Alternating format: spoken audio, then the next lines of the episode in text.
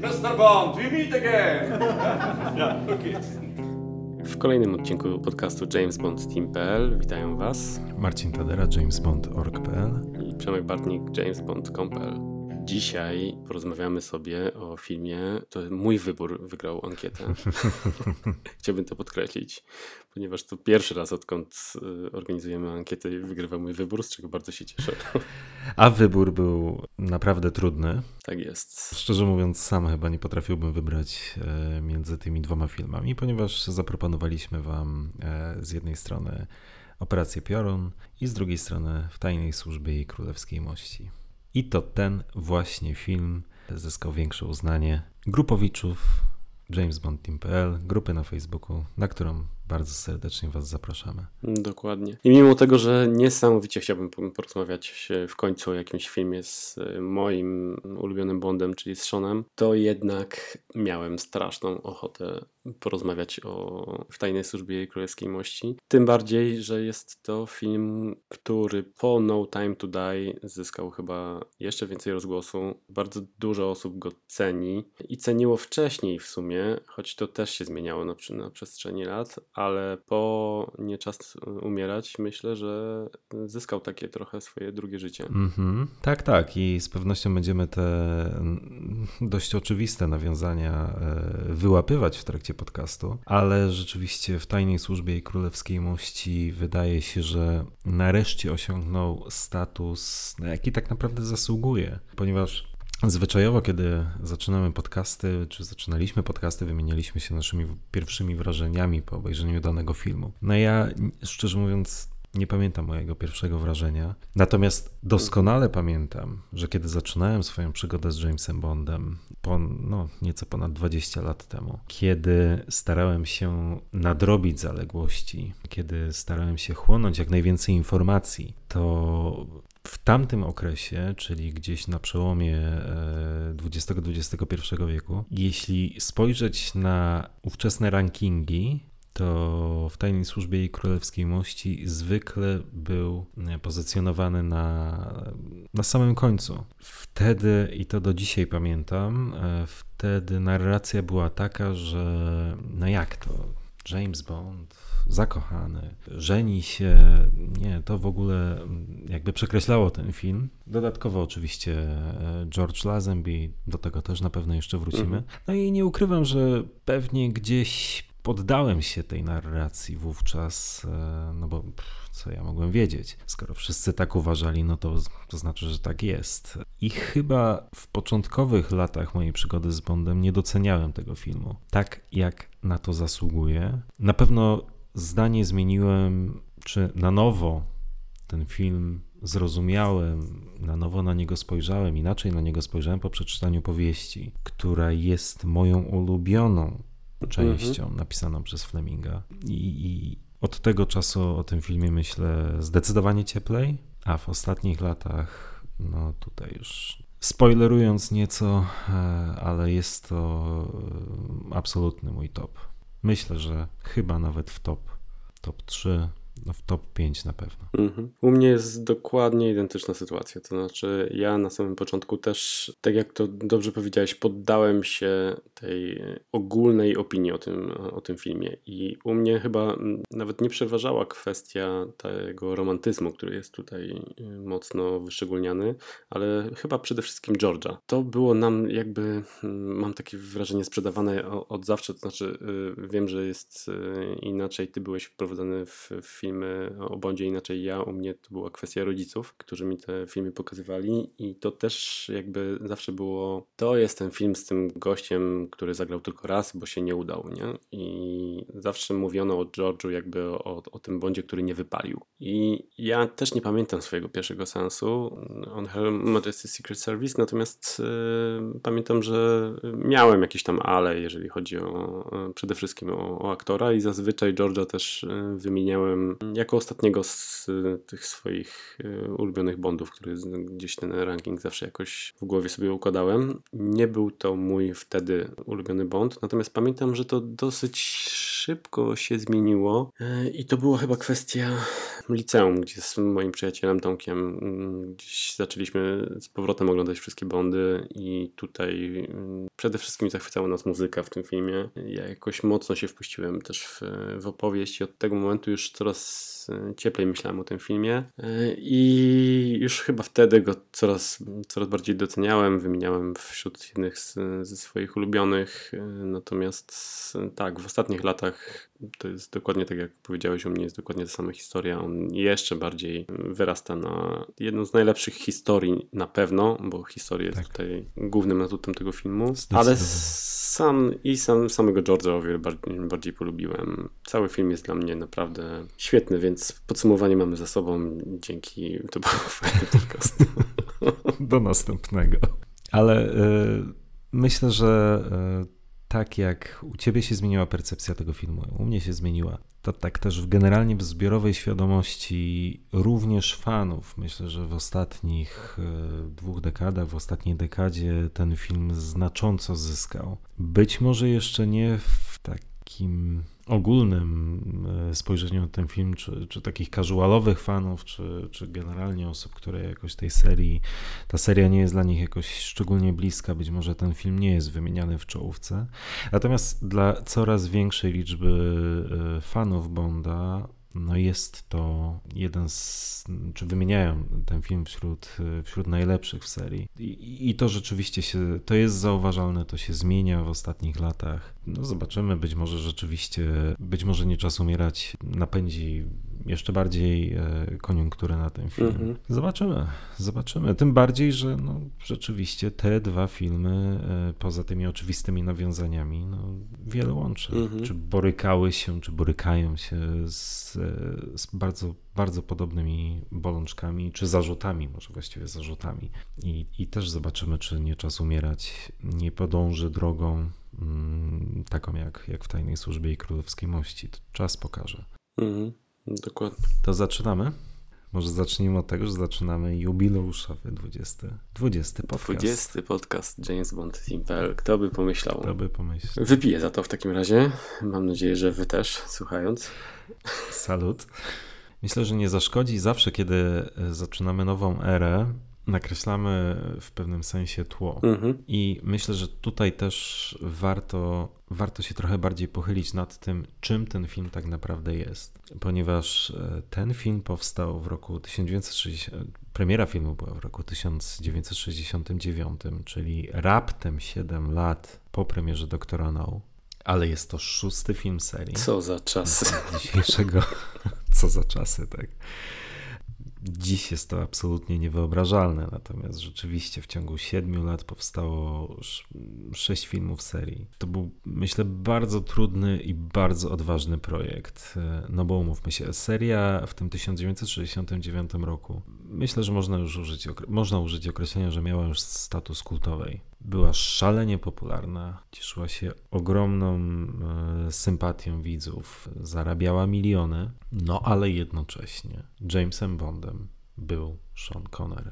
I teraz Sean Connery z różnych przyczyn Był już zmęczony rolą, tak, dokładnie. zrezygnował. Był już zmęczony rolą, co zresztą też umówmy się, było już widać. W Żyje się tylko dwa razy. No i nagle się okazuje, że producenci muszą zacząć na nowo.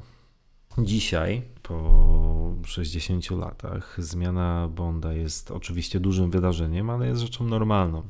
Natomiast e, w tamtym czasie, no, był to pewnie To był nie lada orzech do zgryzienia, bo e, tak jak powiedziałeś, Sean przede wszystkim już sobie wyrobił mm, nieprawdopodobną e, opinię na, na swój temat Tak. i to już był legendarny James Bond. Każdy następny aktor musiał się mierzyć z tym, co, co osiągnął Sean w, e, wcześniej, więc to było bardzo ciężkie, ciężkie zadanie i rzeczywiście, tak jak można wyczytać w wielu materiałach, casting na tego następcę Shona to było przesłuchanych tam kilkaset aktorów i za nic nie mogli się zdecydować, kogo wybrać. Czy z lepszych aktorów, czy z bardziej, bardziej znanych, czy z choćby z samego takiego Rogera Mura, czy Timothy Daltona, który też, mm -hmm. który też byli wymieniani wśród kandydatów, ale ten drugi był za młody, pierwszy był zobowiązany jeszcze kontraktem z, z Świętym, więc cały czas szukano, szukano i szukano. I niesamowicie odważnym krokiem w sumie było zatrudnienie kogoś zupełnie nieznanego, kogo chyba w końcu wyhaczył reżyser filmu, czyli Peter Hunt w, w tej reklamie czekolady sławnej. Szok. Szok i niesamowita sprawa. I to szok podwójny, bo to, że George Lazenby był postacią nieznaną, znaczy nieznaną szerszej, szerszej publicy oczywiście, bo w swoim świadku był, był myślę już postacią rozpoznawalną w swoim świadku, czyli w świadku modelingu. Mhm. Natomiast no przede wszystkim on nie był aktorem. Dokładnie. Tak, więc ryzyko było tak naprawdę podwójne, bo wzięli e, człowieka, którego publika nie zna i raczej nie rozpozna. No a po drugie, kogoś bez wykształcenia aktorskiego, bez i przede wszystkim bez doświadczenia aktorskiego. Mhm. Dokładnie. Cały wybór mm, tak naprawdę opierał się na tym, że wyglądał dobrze, miał dobrą prezencję i na te czasy po prostu swoim stylem przypominał mhm. Jamesa takiego, jak, jakiego chcieli widzieć twórcy. No i tą swoją pewnością siebie, no bo mm, gdy został zaproszony na rozmowę, to darł się na nią z przytupem, jak jego agent zadzwonił i powiedział, że ma e, udać się na rozmowę o rolę Jamesa Bonda, to poszedł do fryzjera, poprosił o obcięcie, jak identycznie jak wyglądał Sean Connery, poszedł do tego samego krawca, co, co Sean Connery i wbił się na tą rozmowę jakoś z takim rozmachem, mm, omijając sekretarkę i wchodząc prosto do gabinetu Kabiego, mówiąc słyszałem, że mi szukaliście, jestem waszym nowym Jamesem Bondem. To też trzeba mieć tupet. Trzeba mieć tupet, aczkolwiek tak, tak, no masz rację. Oczywiście on e, przekonał również producentów do siebie swoją fizycznością, swoją sprawnością. Podobno te aranżowane no, podczas przesłuchania scen walki ich ostatecznie przekonały, czy przekonał nimi do, do siebie mm -hmm. George Lazenby. E, emanował taką pewnością siebie, to, to, to o czym mówiłeś, bo on chyba taki po prostu był. Ostatnio wyczytałem, że ponieważ on tak naprawdę wtedy już był i uznanym modelem i co tu dużo mówić, no też miał sporo pieniędzy. Mhm. Takie fajne zdanie wyczytałem w, w którejś z książek, że to już był taki człowiek na etapie takiej, że potrafił podejść do kobiety na ulicy i powiedzieć jej wprost: Ty, ja idziemy. Jedne szły, inne nie szły, ale, ale również na tak e, tandetny i kiczowaty podryw, jeśli w ogóle można to nazwać podrywem, udawało mu się. Tak więc nic dziwnego, że nic dziwnego, że, że emanował, emanował tą pewnością mm -hmm. siebie i to, to widać. To widać. Dokładnie. Nie wiem, czy teraz będziemy już oceniać jego grę, czy. Nie, myślę, że później, ale to te cechy charakteru, o których teraz mówisz, to jest zdecydowanie o czymś, o czym powinniśmy powiedzieć, i to samo widać w tych wywiadach, które są zamieszczone na dodatkach na, na płycie. Widać tam jego pewność siebie, widać trochę, mam wrażenie, taką bezczelność w odpowiadaniu na, na niektóre pytania, więc no, to był ciekawy typ. No, I swoją przebojo, przebojowością mm, dostał tą rolę. Ewidentnie mu się to opłacało. Myślę, że nam jako fanom też, bo szczerze mówiąc, nie wyobrażam sobie żadnego innego aktora w tej, w tej roli. Uważam to za bardzo dobry krok, wtedy angaż właśnie kogoś takiego y, do takiej historii, kogoś nieznanego, niekojarzonego. Świetny krok i szczerze mówiąc, E, to jest to, co powtarzam też często po, po Craigu. Ja bym chciał teraz zobaczyć jakiegoś. E, chciałbym, żeby producenci podjęli właśnie podobny krok. Przeangażują jakiegoś kolejnego aktora, który byłby zupełnie nieznany i kto mógłby nas jakoś mocno zaskoczyć, tak jak, e, tak jak George w sumie. Pod czym nie pozostaje mi nic innego, jak tylko się podpisać. A tak swoją drogą, bo potem już nie będzie dobrego momentu, żeby o tym powiedzieć. Zresztą nie wiem, czy to powinno zostać w ostatecznej wersji podcastu. Mhm. Skoro już mowa o tym castingu, w Some Kind of a Hero jest napisane, że jednym z elementów castingu było upewnienie się przez producentów, że nie jest gejem. Okej. Okay. A jak można... Tego nie słyszałem. Ja też nie. A jak można sprawdzić, czy ktoś jest lub nie jest gejem? Po prostu zapraszano do rezydencji Co ty mówisz? kobiety. No i e, Mhm. obs- obserwowana jego, jego poczynania. Że się tak wyrażę bardzo hmm, Nie no, żartujesz. To, kompletnie... Nie do pomyślenia dziś. Mhm. Ja jak to czytałem, po prostu byłem w takim szoku. Kurczę, ale to jest tym bardziej ciekawe, bo rozumiem, że to jest chyba kwestia mm, producentów, tak jak powiedziałeś, bo to jest tym bardziej ciekawe, że Peter Hunt, przecież y, reżyser filmu, z kolei był gejem. Naprawdę? Tak.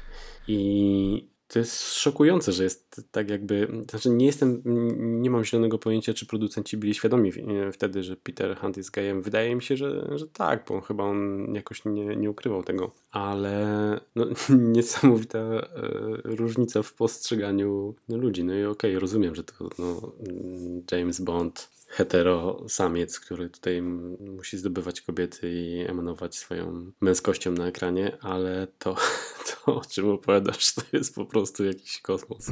nie do pomyślenia dzisiaj. Chyba nie do pomyślenia dzisiaj. Mam nadzieję, że nie do pomyślenia dzisiaj. Mhm. No, mm, zdecydowanie.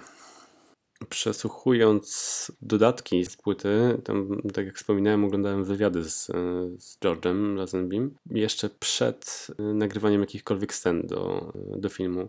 Bardzo fajnie się słuchało tych, e, tych wywiadów. Tam jest trzy pełne wywiady, e, takie mm, krótkie, kilkuminutowe e, nagrane. Na- Natomiast bar- bardzo fajnie zaskoczył mnie George swoją, swoimi odpowiedziami, bo był wprost oczywiście pytany, czy, czy jest zes, zestresowany, czy się boi i, i że to jest pewnie niesamowite wyzwanie, że nie ma doświadczenia aktorskiego i tak dalej. On zazwyczaj odpowiadał, że, że nie, nie, nie boi się i nie stresuje. Wydaje mi się, że jednak mimo wszystko widać było po, po nim ten stres e, w wywiadach, e, co jest niczym, niczym dziwnym. Mm, Natomiast bardzo mi się podobało, jak na takie pytania typu mm, jak się czujesz z tym, że będziesz porównywany do Shona Connerego. On odpowiadał mm, tekstem, że wcześniej nie byłem porównywany do Shona, więc e, to jest dla mnie tylko i wyłącznie duży plus. I to jest super odpowiedź, bardzo mi się podobała. Na pytania typu, jak myślisz,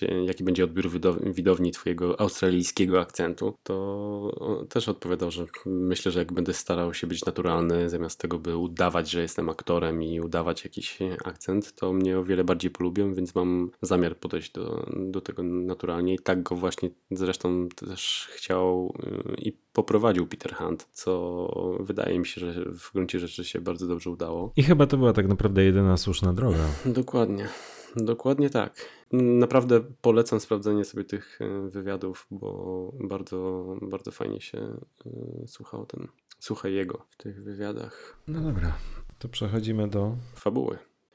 No dobrze, więc teraz tak. Pierwszy strzał, który mnie totalnie zaskoczył, e, jakoś wcześniej o tym nie, nie wiedziałem i tym razem jak oglądałem film z komentarzem Petera Hunta, który jest niesamowicie fajnie opowiadającym gościem. Po prostu z wszystkich komentarzy, które e, e, obejrzałem, Peter Hunt naprawdę, e, jego słucha się najlepiej. Niesamowicie fajnie opowiada. Zaczyna to, ten komentarz w ten sposób, bo film zaczyna się od zbliżenia kamery na plakietkę z napisami Universal Exports. Widać w odbiciu tej plakietki przechodzącego człowieka. I Peter Hunt zaczyna mówić, oto ja przechodzę się po, po ulicach i to mnie właśnie widzicie na ekranie.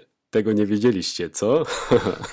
I zaczyna- się śmiać i zaczyna opowiadać o tym, jak to właśnie e, w tajnej służbie jest jej królewskiej mości z jego ulubioną książką Fleminga i bardzo zabiegał o to, żeby, żeby być reżyserem tego filmu i strasznie się cieszył, że że mu się to udało. Jest to fantastycznym wstępem do, do komentarza, który przez całe te ponad dwie godziny naprawdę rewelacyjnie opowiada, więc po przesłuchaniu tego podcastu 100% polecam y, odpalenie filmu z, z jego komentarzem. No dobra, to skoro porusz, poruszyłeś temat reżysera, no to też warto dodać, że propozycję złożono Louisowi Gilber- Gilbertowi, który między innymi wyreżyserował oczywiście Żyje się tylko dwa razy. No i Gilbert odmówił.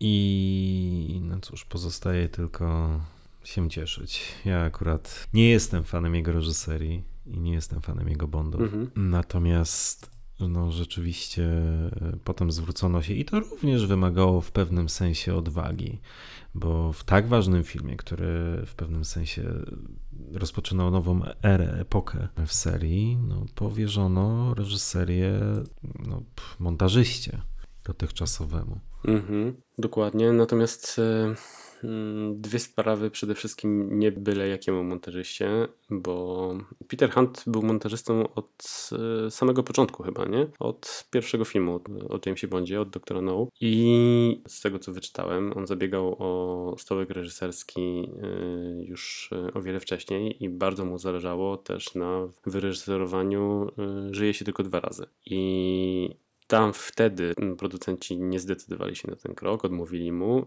i on zrezygnował, obraził się na nich, mówił wprost, że był na nich wściekły. Powiedział, że w takim razie nie będzie brał udziału przy y, realizacji filmu i postanowił podróżować po świecie i wyjechał na wycieczkę dookoła świata. I to też o tym opowiada w komentarzu. Natomiast summa summarum trafił do Tokio, gdzie wpadł od razu odwiedzić ekipę podczas realizacji filmu, że producenci cały czas chcieli bardzo jego angażu y, i, i, jako montażysta, i jako reżyser, więc powiedzieli mu, żeby zajął się drugą ekipą w, żyje się tylko dwa razy. Natomiast e, obiecali mu wtedy, jak właśnie podczas swoich wakacji trafił do nich e, w Tokio i podobno e, on przynajmniej tak opowiadał o tym w komentarzu, że wtedy mu obiecano, że kolejny film będzie jego. I teraz zaskoczyłeś mnie tym, że próbowali dać, ale może tak też było, że Louis Gilbert tak czy inaczej dostał tą ofertę i kto wie, może gdyby z niej skorzystał, to, to Hunt by jednak nie dostał tego przywileju. Mhm. Ale to też był niesamowicie zasłużony gość, jeżeli chodzi o,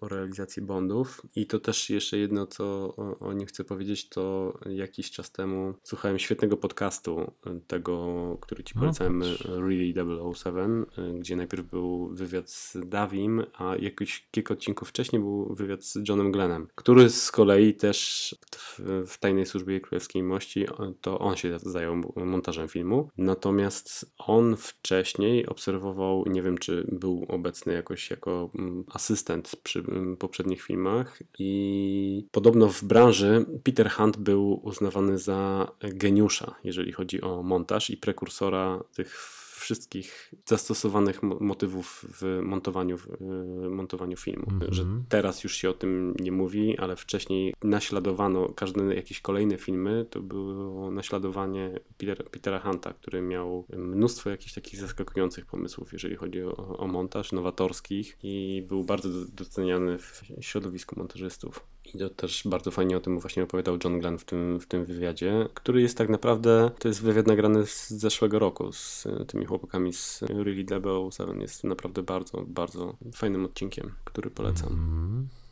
Tak czy siak, no jakiekolwiek by nie były powody i cokolwiek do tego nie doprowadziło, no to, to stało się świetnie, ponieważ dostaliśmy film jedyny w swoim rodzaju i ktokolwiek z tej wcześniejszej ekipy nie reżyserowałby tego filmu, to byłby, myślę, że byłby on zupełnie inny. Mm -hmm, Też jestem bardzo ciekawy, czy to nie był taki celowy zabieg producentów, bo mając do zekranizowania historię, w której chcesz przedstawić wątki zupełnie inaczej niż w film, poprzednich filmach, bardziej romantycznie. Ten facet miał naprawdę duży zmysł, jeżeli chodzi o, o to. Miał tutaj bardzo dużo takiego potrzebnego wyczucia, który nie wiem, czy byłby w stanie, no może byłby w stanie przekazać jakiś inny reżyser, ale też potrzebowałby odpowiedniej wrażliwości, a Peter Hunt wydawał się tutaj idealnym do tego kandydatem i uważam, że mu się to udało w 100%. Dobra, mm, w każdym razie wracając, to też chyba jest jeden z jego pomysłów do tego, jak wystartować z, ty, z tym filmem i uwielbiam ten początek y, w Tajnej Służbie Królewskiej Mości, gdzie przenosimy się z gabinetu M za chwilę. Chociaż y, gabinet M też jest fajny do omówienia, bo to... Koniecznie wręcz bym powiedział do omówienia, ponieważ tutaj, tutaj mamy bardzo ważną scenę, która pełni y, dwie funkcje, no, wydaje mi się pełni dwie funkcje, przynajmniej ja tak to rozumiem, ponieważ Q próbuje sprzedać najnowszy gadżet M, Gdzieś w tle widzimy też Money Penny. No i teraz tak, ponieważ wprowadzamy nowego Jamesa Bonda, nowego aktora. Tak jak dla mnie ta scena po pierwsze ma zapewnić, czy miała zapewnić e, ówczesnego widza, że to jest cały czas ten sam James Bond. Tych zapewnień będzie później więcej, oczywiście do tego jeszcze wrócimy. Natomiast zanim widzimy nowego Jamesa Bonda, widzimy starą ekipę MI6, widzimy Q, widzimy M, widzimy Moneypenny. I myślę, że to nie jest przypadek. Mhm, A po drugie, gdzieś ostatnio wyczytałem, że M tak bardzo lekceważąco podchodząc do tego, co mówi do niego Q, może lekceważąco to nie jest dobre słowo, ale zbywając go, Tak. Nie interesuje go ten gadżet zupełnie. nie interesuje go ten gadżet zupełnie. To jest deklaracja intencji twórców również. W tym filmie odchodzimy od gadżetów.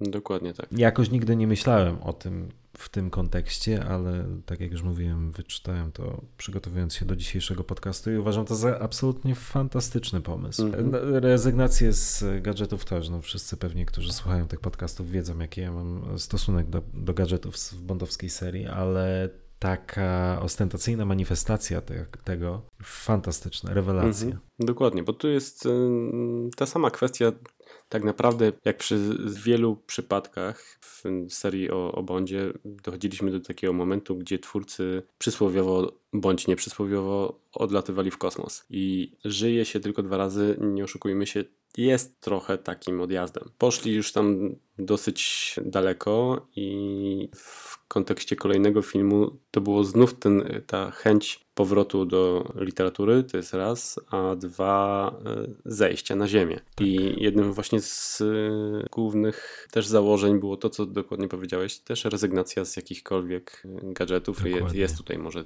jeden gadżet, który wcale nie jest jakiś wyjęty z nie, nie wiadomo skąd. To nie są strzelające papierosy bądź inne, innego rodzaju dziwne rzeczy, do których nas przyzwyczaiły poprzednie filmy, które ja osobiście lubię, ale do tej historii by zdecydowanie nie pasowały. I, Dokładnie.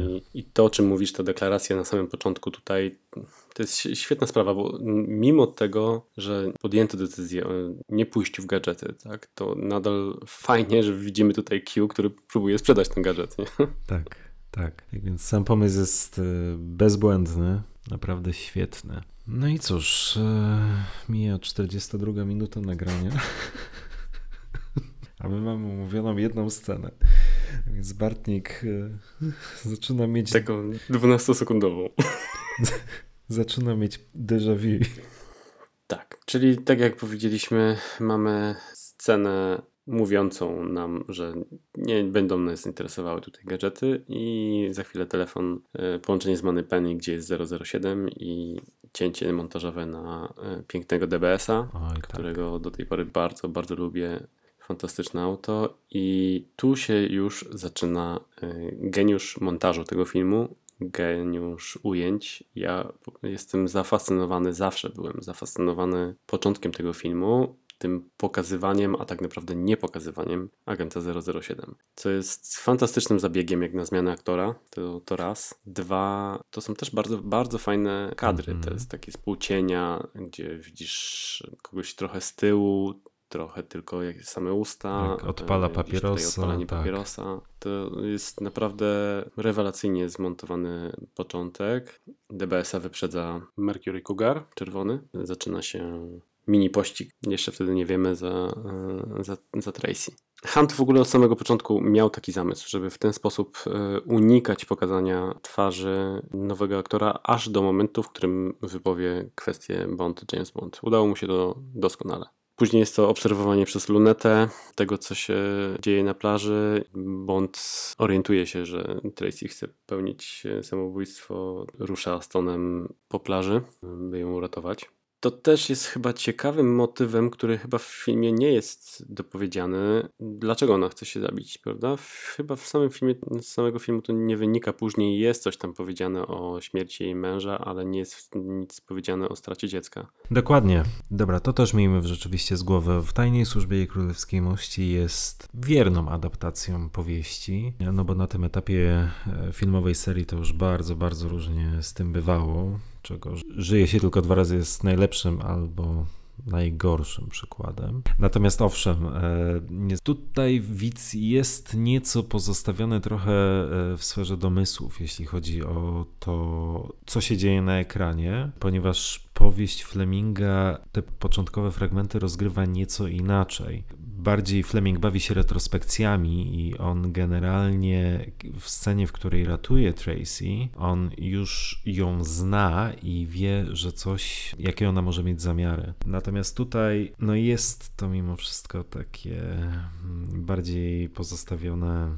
no musimy po prostu zawierzyć twórcom, jakby przymknąć na to oko, o może tak, przymknąć oko na to, że Bond obserwując nieznaną sobie kobietę przez lunetę od karabinu, tak. Z samego faktu, że ona w taki, a nie inny sposób wchodzi do morza, no to, to może rzeczywiście chcieć coś, coś sobie zrobić, e, zrobić sobie krzywdę. I tak, masz rację. Będzie w tym filmie później dopowiedziane, że ona jest, jest wdową, że ma za sobą nieudane e, małżeństwo z jednym z włoskich arystokratów. Natomiast rzeczywiście pominięta została kwestia kluczowa kwestia.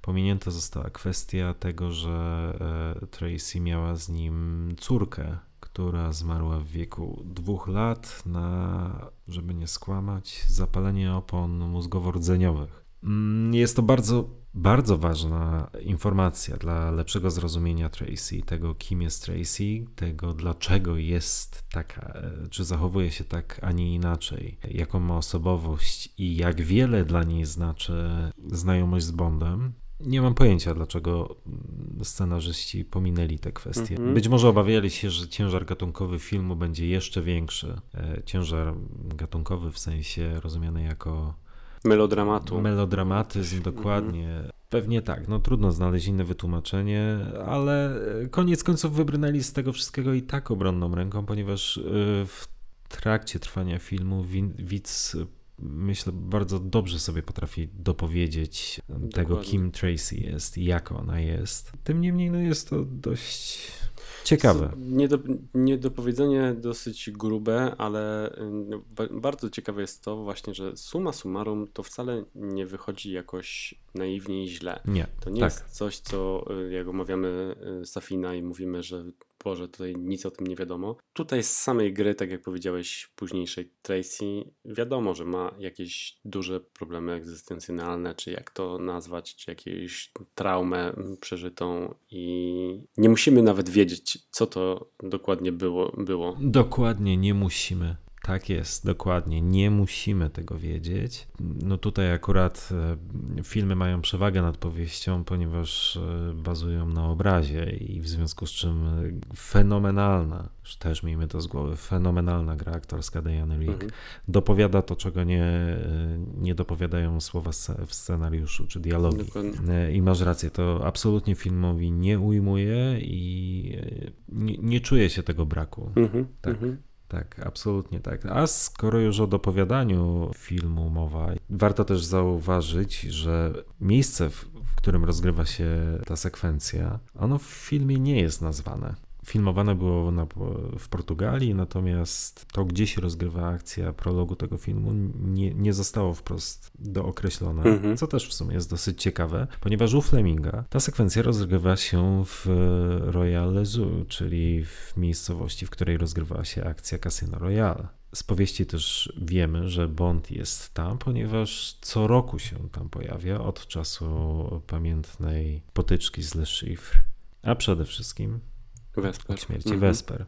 I co roku o tej samej porze pojawia się w Casino Royale. Odwiedza grup Vesper. Tak więc Fleming tutaj e, taką dosyć ciekawą klamrą e, spaja te dwie powieści Casino Royale w Tajnej Służbie i Królewskiej Mości, ponieważ nawiązując do wydarzeń z Casino Royale, jednocześnie wikła Bonda w drugi najważniejszy związek jego życia, w mm -hmm. tym samym mm -hmm. miejscu w tych samych okolicznościach przyrody. No, też, też jest to ciekawy zabieg. Też trochę szkoda, że to nie zostało w filmie dopowiedziane, ale zapewne twórcy mieli. I to, i to też, podobnie jak e, w przypadku motywu z dzieckiem Tracy, to też nie ma tak naprawdę dla nas większego znaczenia. To już mówię bardziej w formie ciekawostki i jako osoba, która te, te, te dwa światy zna, natomiast no, generalnie dla, dla przeciętnego widza nie ma to aż tak dużego znaczenia, tym bardziej, że oczywiście Casino Royale jako w tamtym czasie jeszcze nie,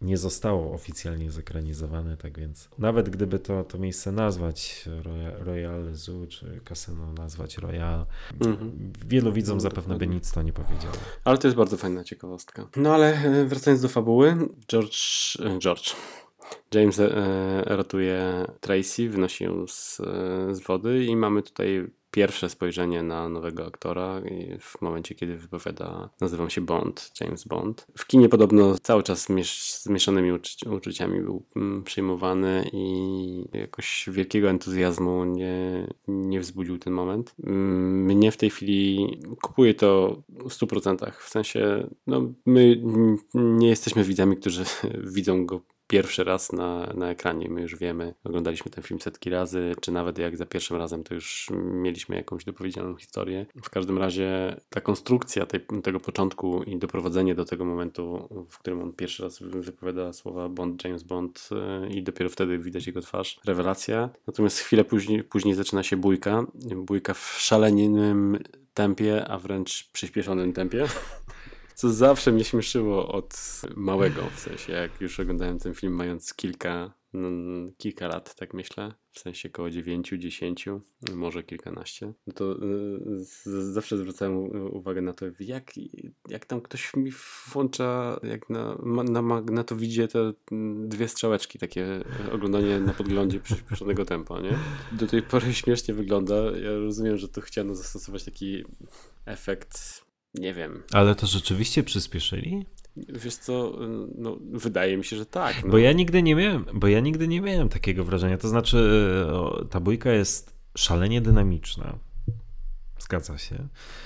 Ale nigdy nie miałem tego wrażenia, że jest to, to sztucznie. Przy... Mhm. Nie wykluczam zresztą, bo tak naprawdę nie wiem, nigdy się na tym nie zastanawiałem. Po prostu ja nigdy takiego wrażenia nie odnosiłem. A, że rzeczywiście ta scena jest szalenie dynamiczna, jeszcze podbudowywana fantastyczną muzyką, e, z bardzo agresywnym, można wręcz powiedzieć, montażem. Myślę, że dla ówczesnych widzów to to było takie jak, nie wiem, Quantum of Solace dzisiejsze. Pewnie tak, pewnie tak. Jeśli nie bardziej. Natomiast ja osobiście uwielbiam tą scenę. Bardzo. Ja też. Jest bardzo też malownicza, oprócz tego, oprócz tej drapieżności, oprócz tej e, dynamiki, jest tak niesamowicie malownicza, jak zresztą cały ten film. Tutaj mhm. cała masa ujęć, których można by zrobić stop klatkę i w zasadzie można by z nich drukować plakaty. Rewelacja. Rewelacja i to jest też pomysłowo zrobione, także mają świetny kadr i mówią, dobra, to teraz wracajcie do wody, bijcie się w wodzie. To jest chwila jakiejś przepychanki w wodzie. Jest tam chyba, nie wiem, w ciągu tej minutowej, dwuminutowej sekwencji bójki jest tam chyba z 15 przewrotów takich tak. ale judo, nie? Non-stop tak. i to cały czas ja jednak mam wrażenie, że to jest przyspieszone tempo, ale tam jest przewrót jeden, przewrót drugi, od razu non-stop i tu z wody. Za, za chwilę George przydusza tam, w sensie James przydusza przeciwnika w wodzie, już wychodzi, ale ten z wody się wybudza, odzyskuje przytomność, jest za chwilę kolejna bitwa, więc go wrzuca tam pod łódkę. Za chwilę okazuje się, że jest następny przeciwnik i jest bitwa z, z następnym, który ląduje też w siatce. Jest to wszystko super dynamicznie, super szybko zrealizowane, super ilością przewrotów, salt i tak dalej, ale ja też zawsze bardzo, bardzo lubiłem tą scenę i też uwielbiam, chociaż zawsze się z tego śmiałem jako szczeniak i do tej pory patrzę na to z takim uśmiechem, jak ten Aston, jak piszczą opony na piachu. jak po prostu tak. jakby tam był taki asfalt. że, e, tak, no tutaj dźwiękowców nieco poniosła fantazja. Tak, zdecydowanie. Jeśli chodzi o realizację, to tam mm, zastosowali taki motyw, że pod piachem przysypali jakieś kolejowe podkłady, czy coś takiego, żeby była lepsza przyczepność auta. Ale to tak czy inaczej no, no. na pewno moim zdaniem nie spowodowało tych pisków opon. Te piski opon były dodane później pewnie w kolejnej pracy nad filmem. Wygląda to mega śmiesznie. No, zawsze się uśmiecham, jak oglądam te sceny, ale bardzo, bardzo je lubię. No i Tracy DBS-em podjeżdża do swojego samochodu, a James robi bardzo pamiętną i jedyną w swoim rodzaju rzecz, czyli przełamuje czwartą, Czwartą ścianę. ścianę. W 1969 roku James Bond przełamuje czwartą ścianę, zwracając się wprost do widza słowami This never happened to the other fellow. Która w tym momencie jest w 100% kultowa, tak mi się wydaje. Absolutnie tak. Absolutnie Jest tak. niesamowicie kojarzona z Jamesem i z, z George'em tak samo. Świetny zabieg. Fantastyczny. Trochę głupio tak bezkrytycznie podchodzić do filmu i właściwie no to pewnie będzie jeden z tych podcastów, gdzie wyłącznie się zachwycamy, albo niemal wyłącznie się zachwycamy poszczególnymi aspektami filmu. Natomiast ja e, oglądając, naprawdę no wiele razy widziałem ten film, oczywiście na przestrzeni lat i nieustannie jestem absolutnie zachwycony tym przełamaniem tej czwartej ściany. Za czym tak generalnie ja w filmach oczywiście nie przepadam. My rozmawialiśmy o tym pewnie przy innej okazji i teraz nie ma sensu do tego wracać. Natomiast ta jedna scena, no bo tak naprawdę kiedy mieliśmy kolejne przełamanie czwartej fali w Bondzie? Zastanawialiśmy się przy okazji No Time to Die. Czy spojrzenie. Czy to się stanie? Czy to się stanie, Tak, czy się nie stanie? nie stało. Okej. Mhm. Jeśli się stało, było to bardzo de delikatne. Natomiast w roku 1969 zdecydowanie się na coś takiego. Pff. To prawda, w sumie nie znam historii przełamywania czwartej e, ściany, czy to się działo wcześniej w filmach, czy nie. Natomiast e, samo wykorzystanie czegoś takiego w Bondzie, szok, świetny zabieg. Ja jestem bardzo na tak. Też w tej chwili o tym pomyślałem, ale by było super, jakby następny e, Bond był mało znanym gościem, który w sekwencji początkowej przełamie czwartą ścianę. Byleby to było zrobione z wyczuciem. Dokładnie. Ale to tak, jak najbardziej. No dobra, ale jeszcze jest jedna ważna kwestia, którą e, chciałem poruszyć, od- zanim przejdziemy do czołówki. To też chyba w komentarzu e, Hunt opowiadał, że mocno się zastanawiali nad tym, żeby ta, ten początek wyglądał zupełnie inaczej i żeby wyjść z pomysłem e, operacji plastycznej, którą No. przechodzi James Bond po to, żeby wprowadzić nowego aktora. I że początek miał opowiadać o tym, że on przeszedł operację plastyczną, żeby wrogowie go nie, e, nie poznawali i stąd jest wprowadzenie nowego aktora. Dobrze, że z tego zrezygnowali, moim zdaniem. Zdecydowanie tak. Natomiast e, no jest, jest to ciekawą rzeczą i teraz nie znalazłem nigdzie e, potwierdzenia tego. Mm, Natomiast e, ten gość z James Bond and Friends, nie pamiętam jak się nazywa, ale ten co prowadzi Spy Command, Bill Koenig. Dokładnie. To jest gość, który dosyć wiekowy facet, który mm, tą premierę Poczekaj. miał za sobą w kinie. Miał Poczekaj, tam, poczekaj. mm, tam kilkanaście czy tam 12 lat, jak, jak był na tym filmie w kinie, ale też opowiadał, że podobno we wczesnych wersjach scenariusza i to bardziej mi się zgrywa z e, faktem, że może Louis Gilbert był e, proponowany, bo gdzieś pod, podobno pojawił się pomysł, że Tracy ratuje James Bond z tej plaży, wynurzając się w podwodnym Aston Martinie. Wyobrażasz sobie?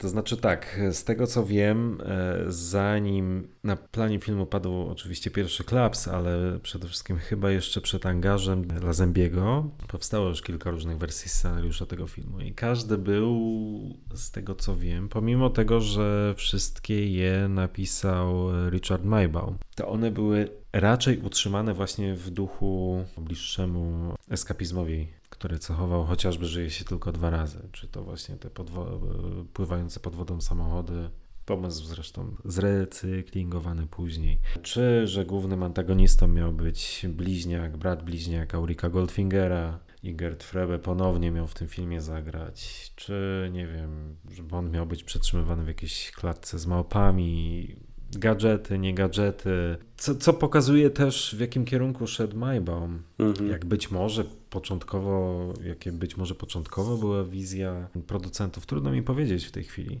No ale na szczęście w pewnym momencie ktoś, nie wiem kto, czy to Peter Hunt, no ja wątpię, żeby on miał aż, takie, aż taką siłę przybicia. No na szczęście doszli do wniosku, że jednak, dobra, tak jak słusznie zauważyłeś na początku, sprowadźmy Bonda na ziemię, trochę, dosłownie trochę w przenośni. No i cóż, no, Dzięki Bogu. dzięki Bogu.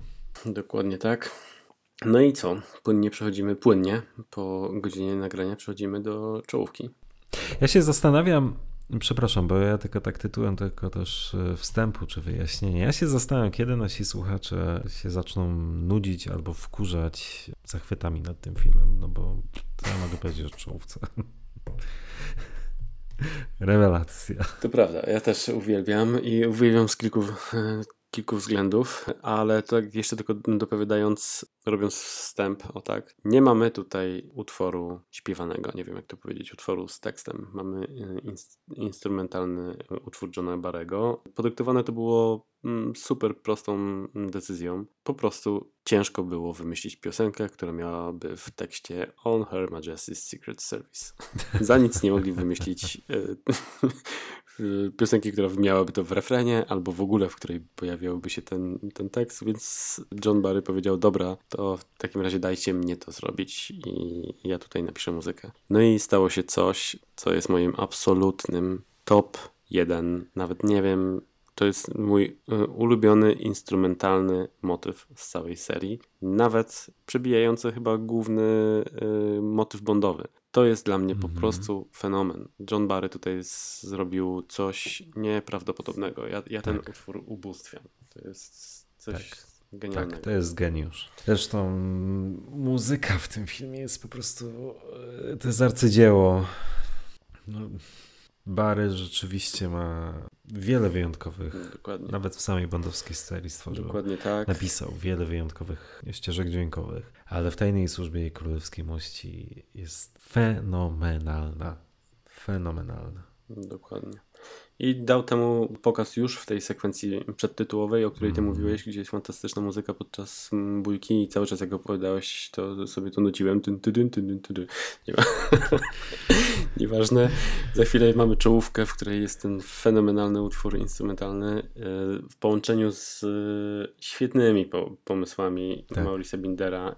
Prostymi, ale kurczę, no, ta kwestia klepsydry która pokazuje ci to, co było wcześniej, we wcześniejszych filmach, e, te urywki, e, nie pokazując przy tym ani razu Jamesa Bonda samego, to też no fajny, właśnie. E, fajny motyw. Tak. Te przejścia oczywiście przez standardowe dziewczyny, kobiety w, w czołówce, trójząb, zegary i tak dalej, jakieś fajne, fajne motywy i uwielbiam też tą końcówkę, w której te nagie dziewczyny układają się w, jakby w koronę. Mhm. To jest niesamowicie fajnym, fajnym pomysłem. Bardzo, bardzo lubię tą czołówkę. No właśnie, i to wplecenie właśnie tych postaci z przeszłości serii, bo widzimy tam i Honey Rider, i Doktora No, i Goldfingera, mhm. E, Tatianę Romanową i tak dalej, i tak dalej, no to to jest kolejny element, e, który ma zapewnić widza i nie ostatni, że to jest ten sam James Bond, że zmienił się aktor, natomiast e, postać, bohater jest ten sam. Bardzo fajny pomysł, nawiasem mówiąc, tak prostymi środkami osiąganie celu, no bo rzeczywiście, tak jak już rozmawialiśmy, no dzisiaj jest to oczywiste, ale ówczesny widz, dla ówczesnego mm -hmm. widza to wcale nie było, mogło nie być aż tak, tak. oczywiste. Co prawda nie jest to też nic nowego, bo w kontekście nawet, nie wiem, takiego Goldfinger, tak, który też miał jakby wyświetlane na Złotej Kobiecie e, sceny z poprzednich filmów, nie? Ale tutaj w kontekście zmiany aktora i pokazania tych e, starych fragmentów, mm, to jest dokładnie to, co mówisz. To jest też potwierdzenie tego, że kontynuujemy, jedziemy dalej z historią, którą znacie, e, tylko że w tej chwili mamy Other Fellow. Other Fellow, tak jest. I co, jeszcze jedno, co jest mm, fajną ciekawostką, to ta końcówka, o której wspominałem, gdzie kobiety się układają w taką koronę, to tam są tak bardzo wyszczególnione sutki dziewczyn. I to przysporzyło wielkiego problemu, jeżeli chodzi o cenzurę, bo w, wielu krajach, szczególnie chyba dotyczyło się Afryki Południowej, byli tak zdegustowani tą e, sekwencją początkową, że tą końcówkę wycinali. I Peter, Peter Hunt Peter Hunt był bardzo zniesmaczony, bo w tym samym e, wycinali jego nazwisko jako reżysera, nie? Że w gruncie rzeczy żałował, że, że tak to się skończyło, bo w wielu krajach nie było wiadomo, że to on wyreżyserował ten film. Dobra. No dobra, ale to już mamy zachwyty za sobą. Bond melduje się w hotelu. Dowiaduje się, że Czerwony Kugar należy do Teresy Vincenzo. Tak. I za chwilę widzimy też piękną tak naprawdę dekorację, jaką zrobili w, w tym kasynie. I to też jest zasługa przede wszystkim Petera Hunta, z tego co dało się wy, wywnioskować z, z komentarzy. On y, uwielbiał fioletowy kolor. Bardzo chciał, żeby go było dużo w filmie. W, tej, w tych scenach początkowych jest zdecydowanie go bardzo dużo. Całe y, kasyno kipi fioletem, w ogóle cały ten hotel kipi fioletem i kipi przede wszystkim kwiatami, Aha. których Hunt był wielkim, wielkim wielbicielem. Podobno cały dom miał, to też mówi, że cały dom, jego dom jest w kwiatach i on zawsze chciał, żeby reżyserując film, to chciał też, żeby te kwiaty były wszechobecne w filmie. I to jak z tej perspektywy patrzy się też na w tajnej służbie królewskiej mości, to też bardzo, bardzo często widać. I pod względem kwiatów i koloru fioletowego zresztą, który jeszcze nie raz się tutaj będzie bardzo, bardzo e, uaktywniał w niektórych scenach. Mm-hmm. Tak, samo kasyno zachwyca scenografią, to na pewno. Ja też jeszcze chciałem zwrócić uwagę tutaj na, na samego George'a Lazenbiego, który w w scenie, w której on do tego kasyna wchodzi. Schodzi po schodach. Schodzi po schodach. Mhm. Ponieważ wspominaliśmy wcześniej, czy wspomniałeś wcześniej o tym, że on wygrał tę rolę pewnością siebie. Jednym z przynajmniej czynników była ta jego pewność siebie i moim zdaniem w tej scenie, w której on schodzi po tych schodach, właśnie emanuje taką pewnością siebie, takim fajnym luzem, naturalnością, naprawdę jak na, jak na naturszczyka, jakim tak naprawdę był. Rewelacja. Wchodzi, ja jestem Jamesem Bondem.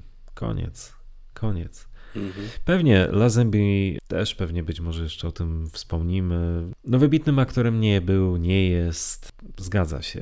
E, natomiast oglądając ten film trudno wyczuć, żeby te niedostatki były jakieś bardzo, bardzo wyraziste. Być może w dykcji, okej. Okay. Natomiast w samym e, sposobie zachowania, gestykulacji, ona jest naprawdę naturalna. Mm -hmm. Tutaj nie silił się oczywiście na jakąś wyjątkową ekspresję. Zrobił, przynajmniej tak, takie ja odnoszę wrażenie jako widz, że zrobił to po prostu co, co było najbezpieczniejsze, czyli grał w sposób najbardziej, możliwie najbardziej naturalny, jak tylko się da. I moim zdaniem akurat to mu wyszło naprawdę całkiem nieźle. Zdecydowanie, tym bardziej, że bardzo często widać aktorów, którzy nie mają doświadczenia albo takich totalnych naturszczyków bez y, aktorskiego y, wykształcenia, albo nawet początkujących aktorów, którzy w tych swoich pierwszych filmach wyglądają komicznie, niesamowicie sztucznie. To czuć niesamowicie i widać, że mm, no jest coś po prostu okropnie zagrane. Tutaj e, on zbierał kiepskie recenzje za swoją grę, ale to jest tak jak powiedziałeś, tego tutaj wcale nie widać. On wręcz tutaj ma kilka nawet doskonałych scen, o których będziemy mówili. I oczywiście mm, też no, nie ma tutaj żadnych jakichś yy, fajerwerków aktorskich, tak, ale nie, nie nie ma siary. nie ma siary, tym bardziej, że przecież też, e, co tu dużo mówić, no nie jest przyćmiewany przez partnerującą mu Diana Rigg. Dokładnie. Zgoda, ale też no, trzeba przyznać, że miał ciężkie zadanie dorównać takiej aktorce. Zresztą Telemusa Savalasowi również. dokładnie, czy, czy Ilzie yy, Stepa. Tu ogólnie obsada w tego filmu jest naprawdę mocna i George był postawiony, no kurczę, w bardzo ciężkim tak. zadaniu, tak. ale y, wśród takiego towarzystwa tak sobie radzić, naprawdę tak szacunek. I to, co powiedziałeś tak tutaj o, o tym zejściu do kasyna, świetna scena. Rzeczywiście po, po George'u bardzo fajnie widać tą pewność siebie, prezencję Jamesa Bonda. Fajnie jest tutaj znowu w odróżnieniu od na, na choćby Doktora No, gdzie był przedstawiony Sean Connery, gdzie kamera y, jakby pokazywała Jamesa też w momencie, jak mówi Bond, James Bond. Mam nadzieję, że niedługo się będziemy zachwycać tą sceną i opowiadać o niej przez godzinę 23, tak jak teraz. Natomiast tu jest fajny też odwrót sytuacji i tu obserwujemy Jamesa przy, jak schodzi do tego kasyna, jak gra i naraz lampa zasłania jakąś postać, która podchodzi do do, stołu. I oczywiście już wiemy, że to jest Teresa, albo przynajmniej się domyślamy, ale to jest też bardzo fajne wejście jej postaci. Bardzo je lubię i jest bardzo fajnie nagrane. Świetny pomysł. Ona ma fantastyczną kreację i też fenomenalna scena kolejna. Tak. Dokładnie tak. Ja jeszcze tylko a propos tego samego zejścia, e, to już ciekawostka z gatunku pierdu, na którą dopiero teraz, przygotowując się do, do tej sesji, zwróciłem po raz pierwszy uwagę. E, Lazembi schodzi do kasyna i na pierwszym planie jest przy jednym ze stolików siedzi, nie wiem, jakaś para, chyba nie wiem, dwie kobiety, mężczyzna, nie ma znaczenia, ale w pewnym momencie jedna z e, kobiet przerywa rozmowę i zaczyna tak i, i, zaczyna go obserwować. Ja autentycznie nigdy wcześniej na to nie zwróciłem uwagi. I to jest oczywiście detal, kompletny detal. Pewnie 90% widzów tego, na to nie, tego nawet nie wyłapało. Natomiast no, fajne są takie takie drobiazgi, które dodają charakteru, autentyczności. No też oczywiście to, to spojrzenie tej kobiety jest bardzo wymowne. No, umówmy się, to, to ona patrzy zauroczona pewnie mm -hmm. Ale taki fajny akcent, drobiazg, naprawdę drobiazg i tutaj też pewnie ukłon w kierunku reżysera, który w ogóle mm -hmm. pomyślał mm -hmm. o czymś takim, bo równie dobrze można było to olać i... Można było to olać, dokładnie. Ale to jest taka nieodłączna część jednak e, Jamesa Bonda i to jest detal, na który jednak chyba wszyscy zawsze zwracamy uwagę. I tutaj w tym filmie rzeczywiście jest to bardzo subtelnie i mało, to tu musisz się wpatrzeć, żeby zobaczyć tą, e, tą reakcję, co jest e, bardzo fajne, ale to jest też właśnie nawiązanie do, do postaci, jaką jest James Bond, to co zawsze było w poprzednich częściach od Doktora No, gdzie zawsze ta recepcjonistka podążała wzrokiem za, za Seanem w każdym z filmów, w których występował, czy później to samo było kontynuowane z innymi odtwórcami tej roli, nawet z, z Craigiem, gdzie też uwielbiam tą scenę w Casino Royale, o której rozmawialiśmy, tak. na recepcji rozmawia z dziewczyną i odprowadza go wzrokiem, tak. oczywiście e, nieprawdopodobnie, czy w Quantum Solace i tak dalej. No to jest bondowy motyw, który, który musi być. Tak. Tak, przy czym tutaj jest naprawdę tak subtelny, a jednocześnie tak naturalny. -hmm. No super, no rewelacja. Dokładnie. Rewelacja. Dokładnie. No i przenosimy się do stołu. Bardzo fajne jest to gra cieni, którą też widać później na twarzy y, Teresy i wyłonienie się z jej twarzy z, z, za lampy. Super fajny motyw. No i co? Później, albo jeszcze jedna mini dygresja e, odnośnie angażu Teresy, to też podczas e, odsłuchiwania filmu z komentarzem Hunt opowiadał, że początkowo chciano zatrudnić Brigitte Bardot, tylko była akurat zajęta grą w westernie Szalako, zresztą z, z Seanem Connerem i Honor Blackman. No i skoro nie udało się dorwać Brigitte, to zaproponowano rolę Diane Rick, co jest fantastycznym wyborem, bo ja, ja, sobie nie wyobrażam tutaj żadnej innej aktorki. Czy Brigitte, Brigitte Bardot którą uwielbiam jako aktorkę i uwielbiam tej y, filmy typu e-book stworzył kobietę i tak dalej. W tamtym okresie była niesamowicie rozchwytywaną aktorką, ale Diana Rick tutaj po prostu pasuje, pasuje idealnie. No. Pasuje idealnie. Tracy to Diana Rick. Oczywiście Tracy jest niesamowicie ważną kobietą w życiu Jamesa Bonda, ale myślę, że nie ma wielu postaci, w roli których nie wyobrażasz sobie kogokolwiek innego. Natomiast no, tak naprawdę można ją chyba tylko porównać do, do, Vesper. do Vesper. Dokładnie tak. To jest też, też ja aż sobie mm, tak gdzieś notowałem e, po drodze oglądając ten film, że tak naprawdę zobacz, bardzo się docenia te filmy, w których ta rola kobieca jest jednak taka właśnie charakterystyczna. Filmy, w których tak. jest tak silna tak. postać kobieca, jak właśnie tutaj Tracy czy Vesper, o której wspomniałeś, to są zawsze filmy uznawane za jedne z najlepszych w serii. Tak. Wyjątkiem jest tak. Skyfall, w którym się nie zgodzimy. Ale tam też jest. E, to tak naprawdę to też nie jest wyjątek, bo tam też mamy super silną rolę kobiecą w postaci Judy Dench, więc zdecydowanie to też nie jest wyjątek. nie mogę sobie odmówić. Ale dobrze powiedziane. Dobrze powiedziane, tak. Ta zasada się rzeczywiście. Tak, tak. No dokładnie. No i tutaj co? Diana Rick, e, jeszcze nie wiem, czy mm, myślę, że warto wspomnieć, że ona była dosyć znana w kraju e, w kontekście serialu, w którym występowała The Avengers, Revolver, Revolver i Melanie. I Melanie. tak. Dokładnie. E, ale to tyle, a nie miała styczności wcześniej z taką wysokobudżetową produkcją, więc to też dla niej była nowość i niezłe wyzwanie, któremu zdecydowanie, tak jak mówimy, sprostała. O tego szczerze mówiąc nawet nie wiedziałem. Wiedziałem, że była uznaną aktorką, wiedziałem, że była gwiazdą, ale nie, nie wiedziałem, nie, nie kojarzyłem, że ona poza rewolwerem i melonikiem nie miała większych dokonań, tak więc dzięki. Okej, okay, to ja teraz to sprawdzę.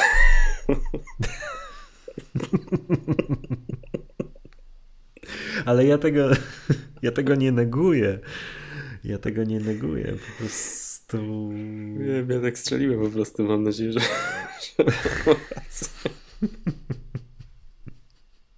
Ale tak było, tak było.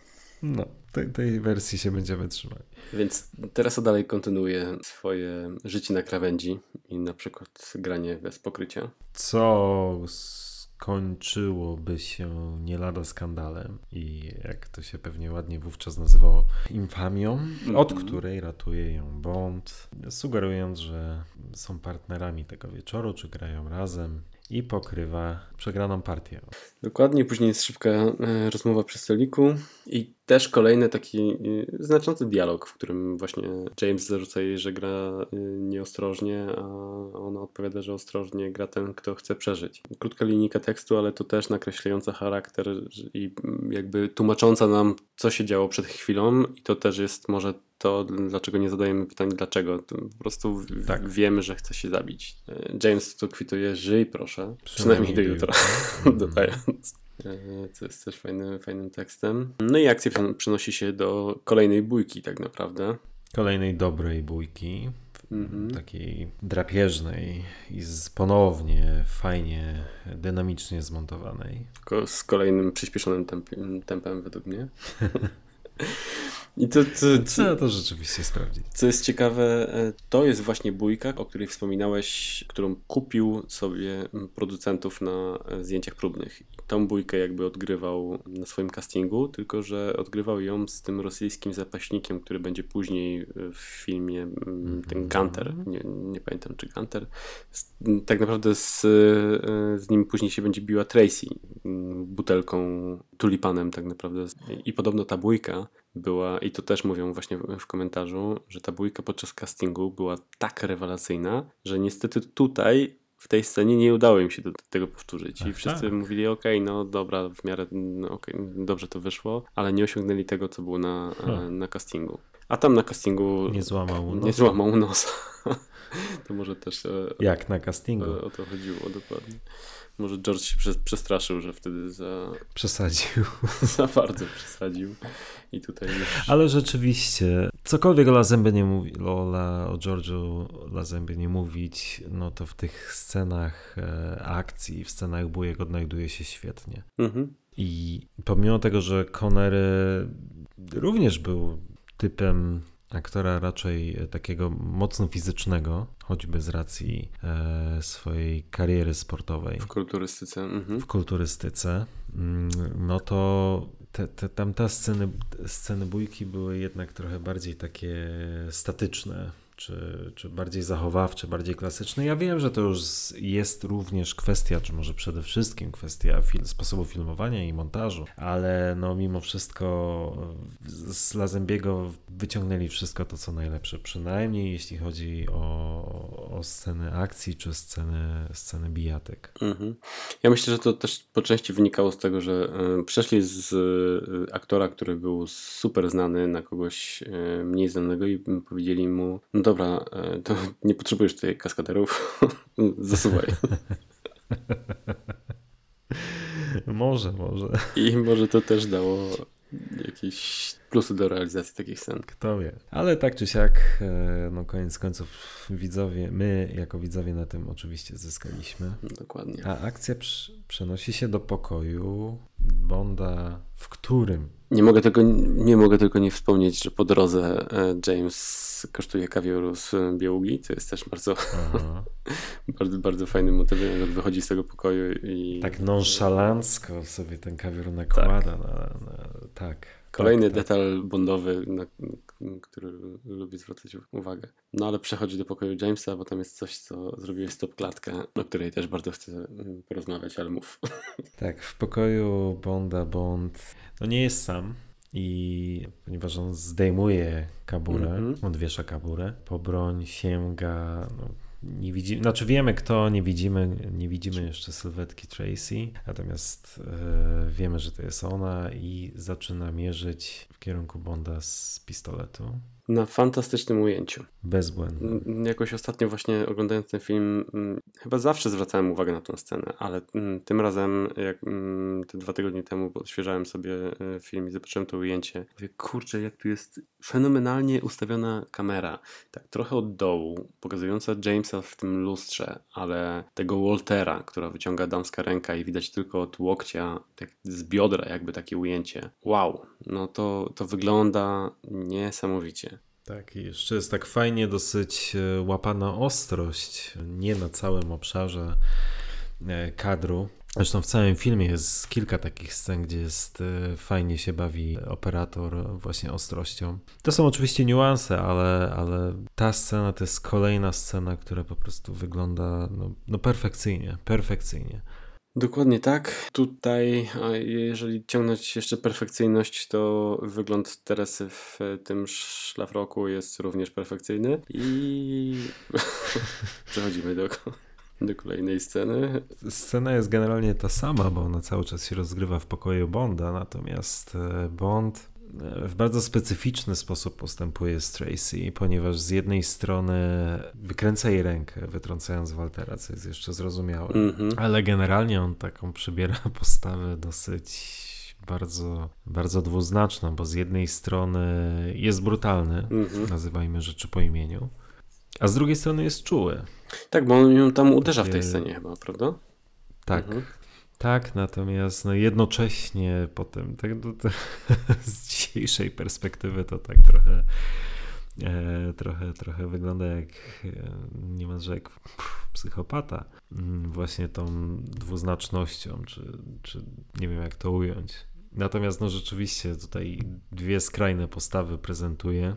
Ponieważ o ile jeszcze wytrącenie tej broni z ręki jest mimo wszystko zrozumiałe, to jest naładowana prawdziwa broń e, w rękach kobiety, która już Bond wie, jest, e, ma, ma, ma pewne problemy sama ze sobą. Tak więc to wykręcenie jej ręki jest jeszcze całkiem zrozumiałe i wytłumaczalne, natomiast no, późniejsze reakcje czy późniejsze zachowanie Bonda już tak trochę nie, nie do końca. No na pewno odstaje od dżentelmeńskiego zachowania na pewno w tych czasach.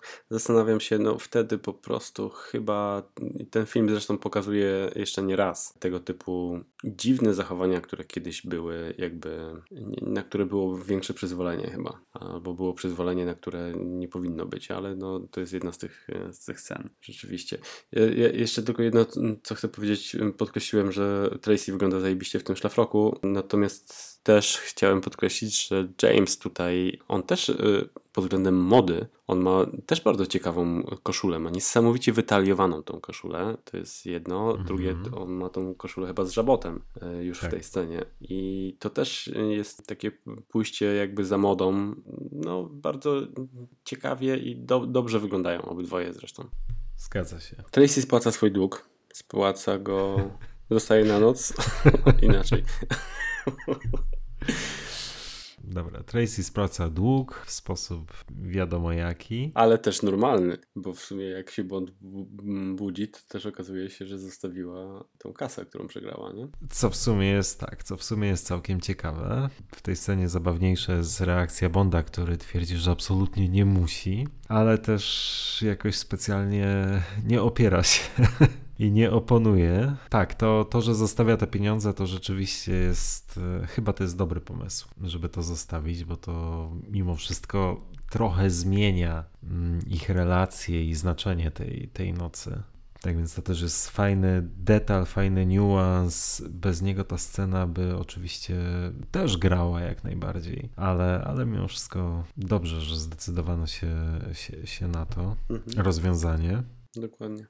W każdym razie tam też jest właśnie ta gadka Hanta o kwiatach, które on non-stop chciał, żeby były obecne w tej scenie, bo tam cały balkon jest na pewno wysycony tymi kwiatami, gdzie oni tam leżą. Natomiast w kolejnej scenie Bond dowiaduje się, że Tracy opuściła hotel, a James wybiera się na przejażdżkę z e, trzema innymi dżentelmenami. Niespodziewaną przejażdżkę. Przejażdżkę, ponieważ Bond planuje grać w golfa, chyba tak, z kijami golfowymi, schodzi do holu, Dokładnie. hotelu, gdzie zostaje poproszony o to, żeby się udział, udał na przejażdżkę w asyście bodajże trzech Dokładnie bandziorów. Bandziorów, na których e, na to też chciałbym zwrócić uwagę.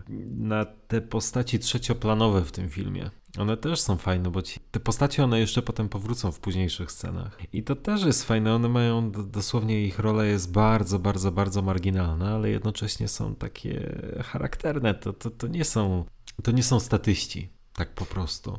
Zgadza się. I to jest, to jest może nie taka kwestia jak w Tylko dla Twoich oczu, Nie, gdzie oni tak. mieli większe jakieś Tak. tam role, ale tutaj każdy z nich ma taką charakterystyczną scenę, nie? Taką, Tak. gdzie widzisz Charakterystyczne coś. tak, tego Dokładnie. czar- czarnoskórego gościa, z którym się wcześniej bije James, tutaj go widzisz w tej scenie, a później przy ataku na Pit Glory widzisz zajebistą scenę, kiedy on wymiata z miataczem ognia. I to jest taki sekunda, ale widzisz, że hej, znasz tego typa i on tutaj ma na, na mega fajne ujęcie, na które zasłużył, nie? Dokładnie tak. Super.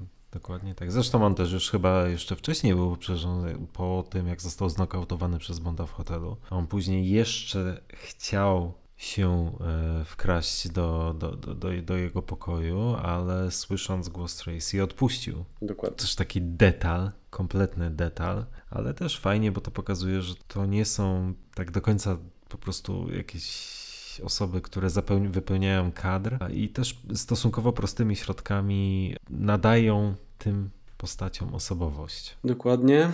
Tu jest kolejny, kolejny motyw jeszcze, o którym bardzo chcę powiedzieć i o, o czymś, mm, co, na co chyba wcześniej w ogóle nie zwróciłem na to uwagi, ale tutaj tak zarówno kupiło mnie to, jak Hunt, Peter Hunt stwierdził, że bardzo e, chciałby, żeby w tej scenie wprowadzania Jamesa przez tych trzech gości do, przez ten taki jakieś biuro, coś takiego tam jest chyba, jest gość, który sprząta i on, Karzeł. Dokładnie. I Peter Hunt sobie wymyślał, że bardzo chciałbym mieć tu karłowatego e, gościa, więc poprosił o znalezienie kogoś takiego i y, rzucił go w tej scenie, no i kazał mu gwizdać melodię z Goldfingera. I to jest... e, Tak. Ja nie wiem, ja szczerze mówiąc wcześniej chyba na to nie zwróciłem uwagi, że on tu gwizdże. Naprawdę? E, Naprawdę, jakoś kompletnie pomijałem ten, ten moment i tutaj ostatnio oglądałem, mówię, kurde, przecież on w ogóle, dla, dlaczego ja wcześniej tego nie, nie zwróciłem na to uwagę, on tu gwizże Goldfingera, jaki to jest zajebisty motyw, nie? Mhm. Super pomysł. I za chwilę jest ta bójka w, przy metalowych szafkach, gdzie już nam daje Peter Hunt do, e, do poznania, że bardzo lubi głośne bójki, gdzie jeszcze tutaj raz potwierdzi coś takiego, ale to jest bardzo taki charakterystyczny, fajny dźwięk, jak on znowu w dosyć szybkim tempie rozwala tych trzech gości i rzuca ich na te metalowe szafki. Jest taki metaliczny, super e, donośny dźwięk, co jest też dosyć fajne w, e, w tej scenie, bardzo to lubię. E, no i James się wymyka i zatrzaskuje drzwi Mm, i okazuje się, że znajduje się w gabinecie Draco. Tak, Mark Ange Draco. Dokładnie. Czyli ojca Tracy, ojca Teresy, a przy okazji szefa Union Corps, czyli korsykańskiej e, mafii. Świetne wejście mm, George'a, który Tak. z takiego mm, klęknięcia orientuje się już chyba z kim ma do, do czynienia i postanawia tym nożem rzucić obok. I jest fenomenalna scena, w której rzuca w nożem w kalendarz, a Draco mówi, ale dzisiaj jest 13. James mówi, jestem przesądny. A tutaj nóż wbity w czternastkę. I co jest y, też bardzo ciekawą anegdotą, którą wyczytałem już y, w, u Michała Grześka w, w książce, mm, że mm, zatrudnili specjalnie e, profesjonalnego nożownika, który mm, trafił w tą czternastkę. Mhm. Ale za cholerę się to nie udawało. I w końcu John Glenn e, wpadł na pomysł, żeby e, poprowadzić linkę do tej czternastki, przywiązać nóż i ten nóż jest jakby rzucany na linię, czego zupełnie nie widać i on leci dokładnie w to miejsce, w które ma lecieć, ale y, super patentem wymyślonym przez Johna Glena. Swoją drogą też ciekawe, że tego nie, nie rozwiązali po prostu kwestią Montażu, montażu nie? Odpowiedniego. Ale wygląda to fascynująco. Ja zawsze bardzo lubiłem tą scenę. Tak. Ekstra. No i poznajemy Marka Ange Draco, e, granego przez Gabriele Ferzetti. Ferzetti. Mhm. Pozwolę się tobie kompromitować w tym odcinku.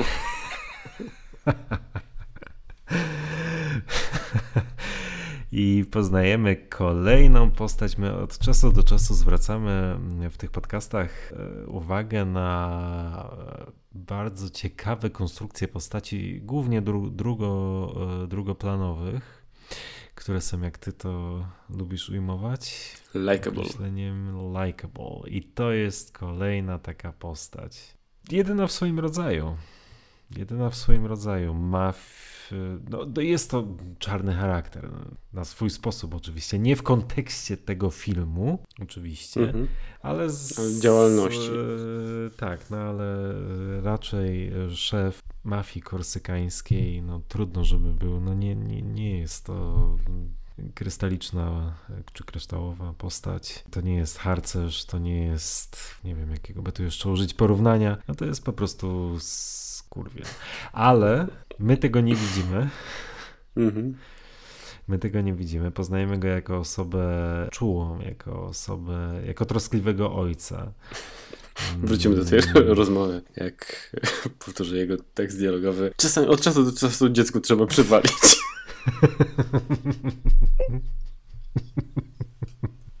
Siedemdziesiąty dziewiąty rok 69 rok. rządzi się swoimi prawami. Nie, nie, jasne, jasne, jasne.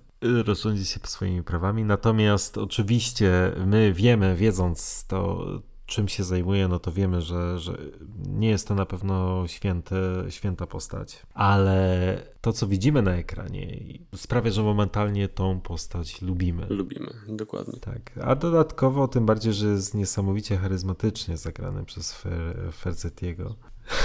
Załóżmy, tak się nazywa. Tak. Tak się to wymawia. Ale to jest właśnie postać, która dołącza do grona tych po Karim Bayu, po postaciach... Colombo. Dokładnie, Columbus For Your Eyes Only, czy Casino i Quantum Matisse. Matissie. To jest postać, która, którą naprawdę bardzo, bardzo się lubi. Na to wpływa wiele czynników, bo to już w tej scenie chyba można do niego zyskać pewną sympatię. To jest raz. I nawet chyba tym pierwszym tekstem, ale dzisiaj jest trzynasty i już, nie wiem, łapię jakąś chemię w, w tym dialogu. Natomiast on później ma takie sceny, czy w, w rozmowie z M y, na ś- ślubie Jamesa, czy w jakichś innych scenach. Łapie się do tego gościa po prostu sympatię. I może też przez tą czułość, o którym mówiłeś do, y, do córki, mimo tego, tego że potrafi się też przywalić. Ale tego jeszcze nie wiemy. Ale tego jeszcze nie wiemy, po prostu lu- lubimy tego gościa. I to jest kolejny duży atut tego filmu. Tak jest.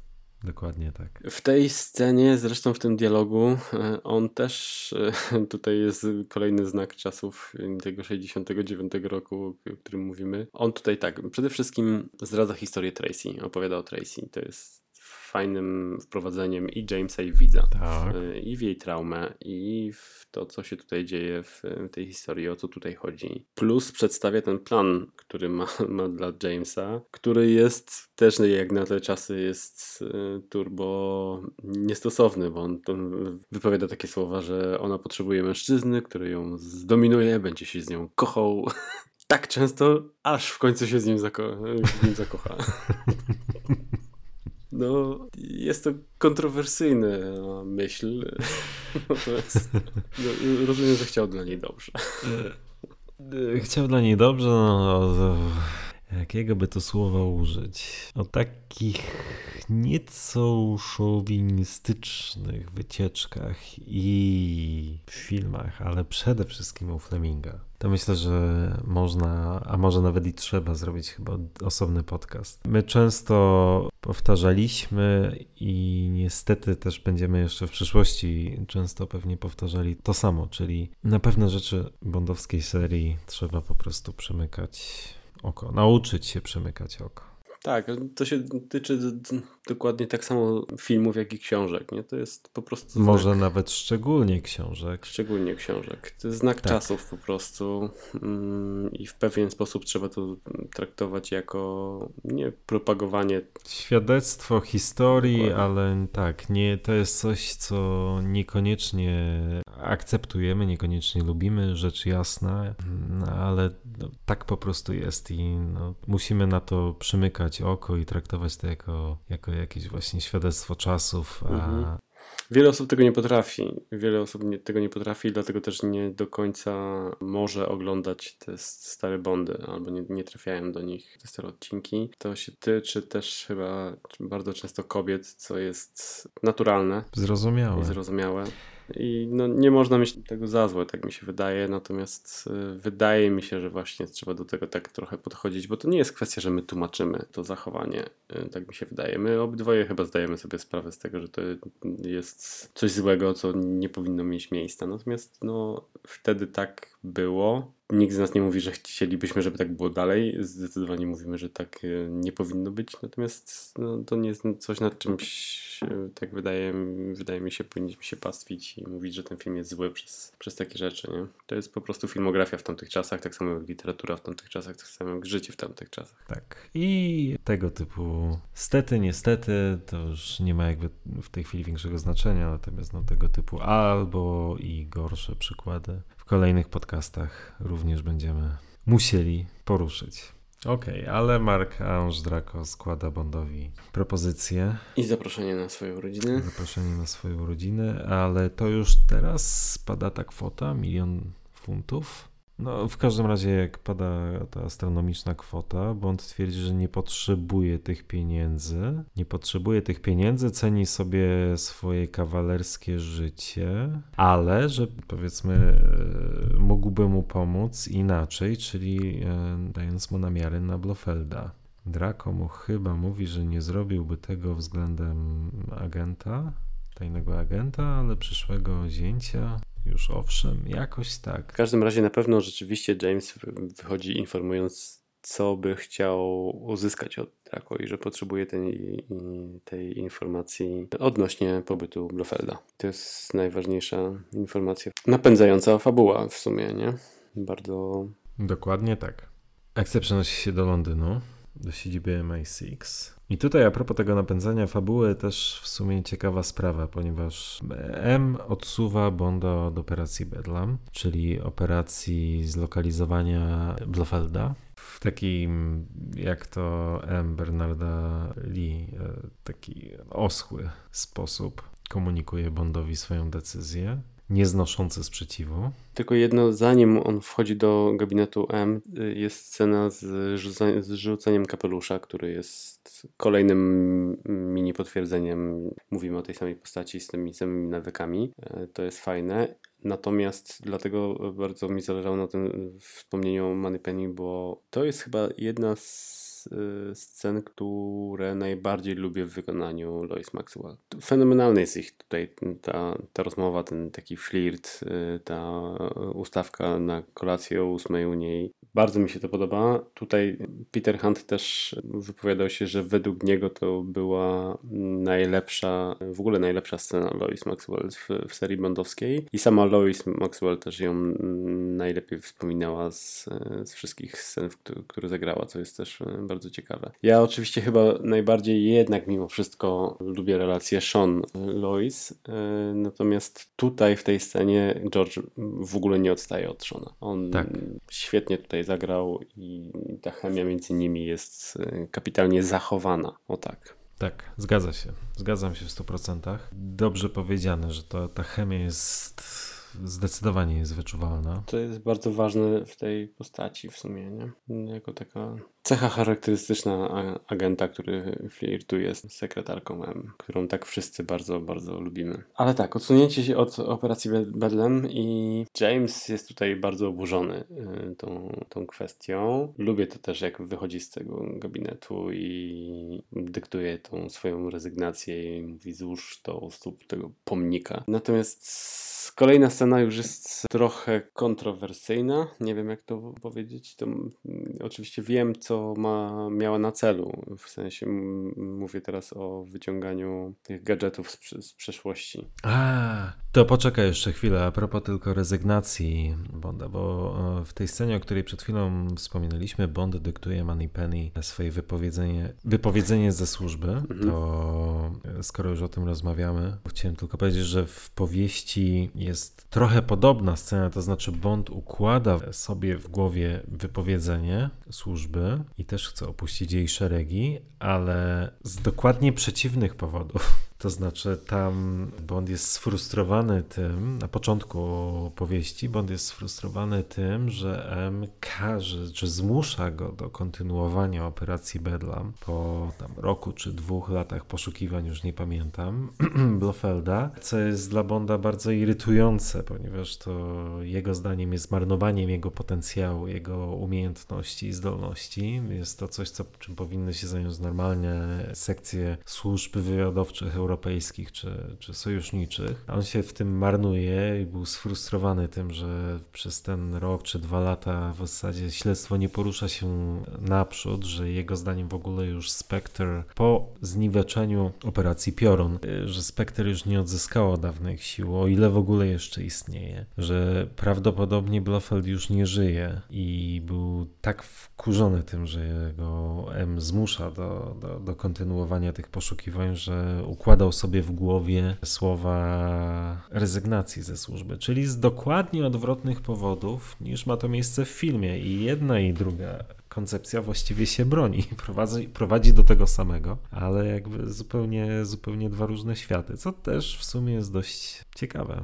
Mhm. Okej, okay, no i teraz wspomniana kontrowersyjna scena kontrowersyjna? Znaczy, nie wiem, czy to dobre, e, dobre słowo, natomiast ja tą scenę jest chyba najbardziej, jeżeli miałbym ją porównać do czegokolwiek innego w serii, to jest Die Another Day i przejście po magazynie z, z, z, gadżetami. Jasne, tutaj jest to hmm, chyba o, o, wiele bardziej jeszcze wytłumaczalne niż, niż w Die Another Day, bo tam mieliśmy jubileuszowy film, w którym chcieli na siłę pokazać i przypomnieć o, o, o reszcie filmów. Tutaj mamy jakby kontynuowanie tego wątku uświadomienia widza, że to jest ta sama postać. Ja szczerze mówiąc, wydaje mi się, że mm, w tej chwili oglądając ten film, mm, zupełnie e, gdyby nie było tej sceny, to wszyscy dobrze byśmy wiedzieli, że to jest ta, e, ta postać. Nie potrzebuję chyba tego przeglądu gadżetów. Tu jest jeszcze na, na tyle mało subtelnie, że tu wydaje, wyciąga każdy gadżet z poprzedniego filmu. Tutaj nóż, Honey Rider, mamy y, motyw muzyczny z Doktora No, tutaj walizkę, mamy motyw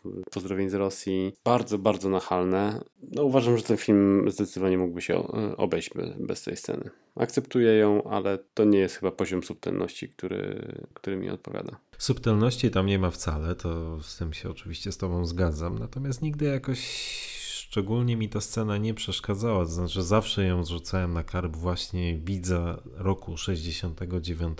I ja nie wiem na ile jakoś nie, nie doczytałem, na ile rzeczywiście twórcy obawiali się, że widzowie będą skonfundowani widząc w roli Jamesa Bonda innego aktora niż Sean Connery. Trudno mi powiedzieć, czy ta scena była potrzebna ówczesnemu widzowi, czy nie. Z całą pewnością ta scena nie jest potrzebna dzisiejszemu widzowi i dzisiejszym fanom serii, jak najbardziej. Natomiast czy w 69 roku ta scena była, e, była niezbędna, była konieczna? Nie mam pojęcia. Być może nie, ale być może rzeczywiście uznano, że, że jest to fajny gag. Nie wiem, nie wiem, ale mi akurat ta scena, pomimo tej subtelności, e, a właściwie braku subtelności, nigdy jakoś szczególnie mi ta scena nie przeszkadzała. Ja też wydaje mi się, że wcześniej mi nie przeszkadzała. E, mam wrażenie, że teraz po serii naszych podcastów i omówieniu braku subtelności w e, innych scenach. Ja się śmieję, bo ja się śmieję oczywiście, bo, bo to fakt. E, kiedy się ogląda e, te filmy, przygotowując się do, do sesji podcastu, w pewnym sensie percepcja się zmienia. Tak, do, przygotowując to, to jest raz, a dwa mamy ze sobą już sporo rozmów o, o, o Bondach. Myślę, że w pewien sposób też, o patrz, to tak taki brak subtelności to nasz jubileuszowy podcast, więc możemy tutaj też powiedzieć o swojej historii, natomiast już w pewien sposób znamy swoje, to co lubimy w Bondach, to czego tak. nie lubimy. Myślę, że słuchacze też dok dokładnie to wiedzą, ale właśnie o tej subtelności bardzo często gadaliśmy i to w kontekście Die Another Day i y, nawiązaniach w kolejnych jakichś, y, jakichś filmach, szczególnie w No Time to Die. I tutaj jeżeli się zmierzymy znowu z tym tematem nawiązań, to jeżeli byśmy sobie mm, wyobrazili w tej chwili takie nawiązania w No Time to Die zastosowane jak w Tajnej Służbie Królewskiej Mości, no to bardziej jednak na myśl przychodzi Die Another Day niż subtelność zachowana w filmach z Craigiem. Nie? Tak. Dokładnie tak. Natomiast e, rzeczywiście ja nie, nie, potrafię się wczuć w widza z roku 69, fana serii z roku 69. Mm, no dzisiaj wydaje się to być oczywiste i proste. No, to jest James Bond. Hello, tak. No, w czym macie problem? Natomiast naprawdę, ja naprawdę nie potrafię powiedzieć, czy ówczesny widz potrzebował jeszcze kolejnego zapewnienia, czy nie.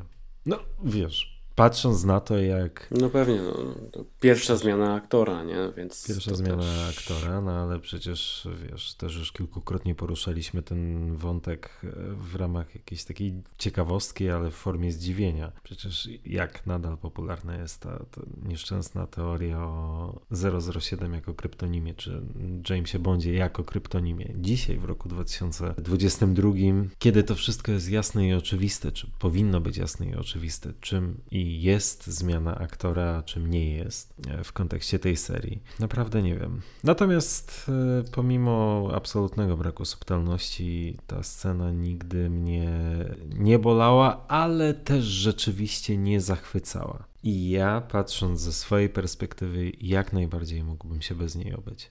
Dobra, jedziemy dalej. Świetny motyw jest już, y, przechodzimy z, y, z tematu przeglądu szafki z gadżetami z poprzednich filmów i fantastyczna jest ta scena, w której okazuje się, że podpisany list rezygnacyjny okazuje się wnioskiem o urlop, za który James tak naprawdę bardzo dziękuję Penny. Tak, ale jest to rozwiązane faktycznie niebanalnie, bo Bond zostaje wezwany do gabinetu M, gdzie M oznajmia mu, że wyraża zgodę i koniec. Mm, no, widz myślę, że wówczas mógł być nieco Dokładnie. zmieszany. Wstrząśnięty wręcz. Wstrząśnięty wręcz, no bo jak? No, M tak po prostu przyjmuje rezygnację Bonda.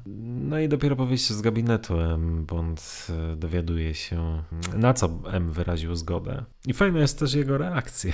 która pokazuje, że to wcześniejsze działanie to było tak naprawdę pod wpływem impulsu, pod wpływem chwili, ale Bond nie miał, co zresztą potwierdza Money Penny, e, tak naprawdę nie chciał złożyć tej rezygnacji. Mhm, dokładnie. Jest ten fajny tekst, który jest powtarzany jeszcze kilka razy w sumie, bo James zwraca się do Money Penny, co ja bym bez ciebie zrobił, Money Penny. Po czym wychodzi z, z gabinetu, a odzywa się M, który mówi, co ja bym bez pani zrobił.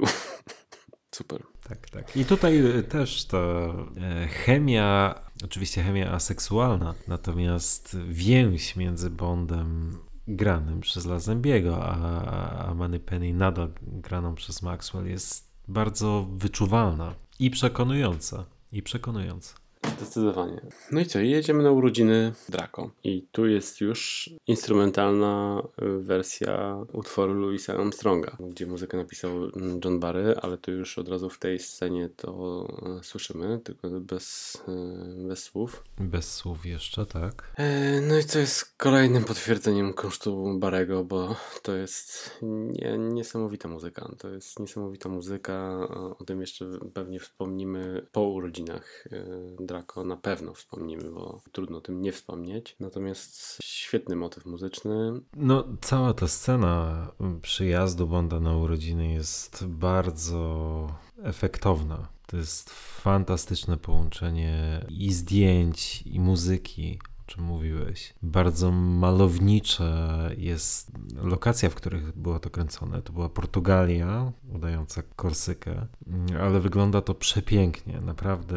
I to bez względu na to, bo często jest tak, że na filmy, które mają swoje oczywiście już lata, no spogląda się trochę przez pryzmat, czy ocenia się przez pryzmat, że jak na tamte czasy wygląda to fajnie, nie? czy zostało coś zrobione fajnie. Natomiast w tym filmie ten film po prostu wygląda fantastycznie w oderwaniu od czasów, w których powstawał. Mhm. Ja mam cały czas e, taką, hmm, takie przeświadczenie, że to jest właśnie zasługa Petera Hunta, który bardzo chciał, żeby ten film tak dobrze wyglądał i mam wrażenie, słuchając właśnie jego komentarza, że jemu przede wszystkim zależało na tego typu scenach. No to jest jasne, zawsze ta e, w sumie sceny akcji bardzo często nagrywa ta druga ekipa. Natomiast Hunt, czy to ta scena w kasynie, czy ta scena właśnie tutaj. On mówił, że to jest jedna z jego ulubionych scen. Ta ilość statystów i on bardzo fajnie opowiadał i tych pięknych młodych kobiet ładnie ubranych, mm -hmm. pięknych młodych facetów ładnie ubranych. Zaczął opowiadać też o tych strojach, w których niesamowicie pięknie wygląda e, Tracy w tej scenie, ale tak samo e, James. I on bardzo fajnie opowiada o tym, jak George Lazenby fantastycznie wygląda tutaj w tej, w tej marynarce w, w kratę tak arystokratycznie i za chwilę dodaje, no bo ubrałem go tak, jak ja sam się ubieram.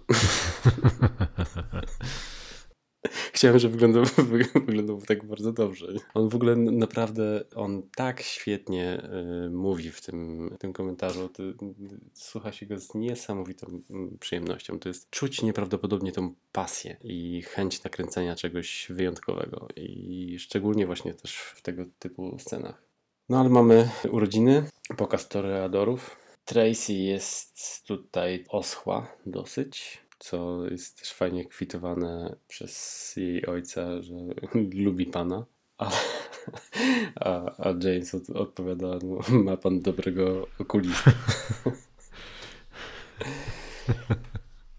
Tak, fajny tekst, fajnie napisane. Mhm, jednocześnie Tracy z partnerką ojca, która jest chyba młodsza od, od niej, mu tam łatwo podchodzi i wyciąga, że tatko coś knuje. No właśnie, Olimpia, bo ona tak chyba ma na imię. To jest kolejny przykład postaci, która rzeczywiście pojawia się gdzieś na trzecim planie. Natomiast zyskuje całkiem fajną osobowość. I ona jest kolejnym przykładem osoby, która nie jest tylko na ekranie po to, że no, nie wiem, jako, jako, jako statysta. Natomiast no, cała ta ekipa tych bliższych współpracowników Draco jest y, całkiem fajnie nakreślona. Mhm. Dokładnie, to, tak jak mówiłeś, takimi mikroscenami w sumie, nie? ale widać, że to jest ktoś, tak. ktoś ważny, tak, mhm. i tutaj gada z nią i Tracy i widać później podczas tej sceny, gdzie już siedzą wszyscy przy, przy stole i Draco mówi do niej, co jej wygadałaś, nie? I to też jest takie no, fajne nakreślanie jakichś tak. takich relacji po prostu międzyludzkich. Normalnych, tak, normalnych międzyludzkich re relacji, dokładnie tak. Tak, tak, tak. Tutaj właśnie e, okazuje się, że Tracy jakby dowiaduje się o planie tej kwestii, że James ma zająć się Tracy w zamian za e, informacje, których potrzebuje, więc Tracy tutaj wjeżdża na ambicje ojcu i każe zdradzić mu te informacje, które chce już, już teraz. E, natomiast sama opuszcza, opuszcza to miejsce i tak naprawdę chowa się przy samochodzie płacząc, tak? Gdzie goni ją James i mamy pierwszą scenę taką bardzo w pewien sposób intymną między nimi, nawet bardziej intymną niż noc spędzona razem. Tak, zdecydowanie tak. Zdecydowanie tak. I zaczyna się, zaczyna się scena, która być może dla części fanów serii może być trudna do przyjęcia. Bo to jest scena jedyna w swoim rodzaju na przestrzeni całej 60-letniej serii. Mamy scenę jedyną w swoim rodzaju, której powiedzmy ładunek gatunkowy i emocjonalny być może dopiero został powtórzony później właśnie w Nie czas umierać w scenie w Norwegii wyznania Bonda w rozmowie z, z Medlin. Z Medlin. Tutaj Bond ociera Tracy łzy. Tracy, która wygląda absolutnie fenomenalnie. Diana Rick w tej scenie wygląda, gra, zachowuje się. O mój Boże, to jest po prostu mistrzostwo świata i absolutna perfekcja.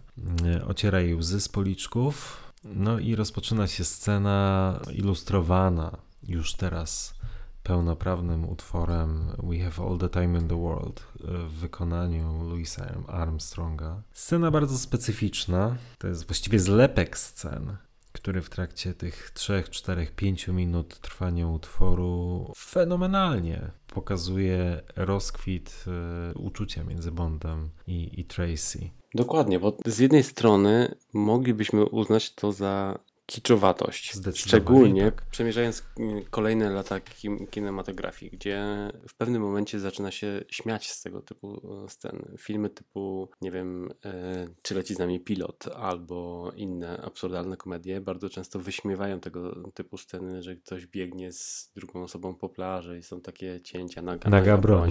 To mi się w tej, tak. tak. to mi się kojarzy bardzo często w tej chwili z czymś takim, z tymi filmami, które wyśmiewają właśnie tego typu sceny. Natomiast w kontekście tego filmu to naprawdę pasuje, bo to jest film akcji, w którym no jakoś trzeba było pokazać to uczucie narastające między nimi. Pokazano je w taki super skrótowy y, sposób, ale ilustrując to nieprawdopodobnie piękną muzyką y, i w wykonaniu instrumentalnym, i w wykonaniu wokalnym, robiąc ten zlepek scen kiczowaty, bo kiczowaty, ale jednak dający to, co powinno dać temu filmowi, tak? Wiemy tu, że on, rodzi się między nimi uczucie i to jest, zarówno ta scena jest świetna, jak i później scena, ale to za chwilę przejdziemy do niej, e, jak już Tracy jedzie z, z ojcem w, w samochodzie. Natomiast to jest coś zupełnie nietypowego, ale bardzo pasującego do tego filmu. Bardzo pasującego i to jest mimo wszystko bardzo pomysłowa scena, ponieważ no nie czarujmy się. Ten film wymagał od widza emocjonalnego zaangażowania, żeby wybrzmieć odpowiednio.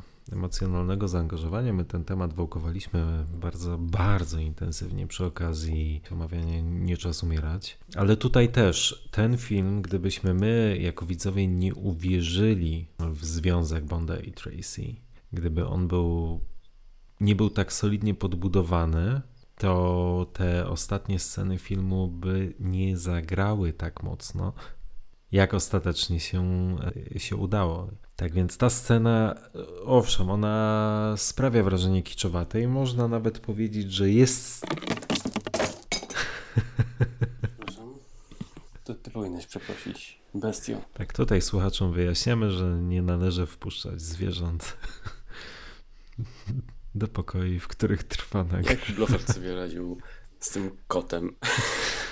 W każdym razie, no, my jako widzowie potrzebowaliśmy tego emocjonalnego związania się z historią, może nie jeszcze na tym jej etapie, ale oczywiście w kontekście trzeciego aktu tego filmu i nawet trochę wcześniej, owszem. I ta scena z tego punktu widzenia jest e, szalenie ważna, pomimo tego, że ona sprawia wrażenie kiczowatej, głównie za sprawą takiej cukierkowatości tych scen. Trochę wygląda jakby była żywcem wyjęta z oper mydlanych, ale jest dobra.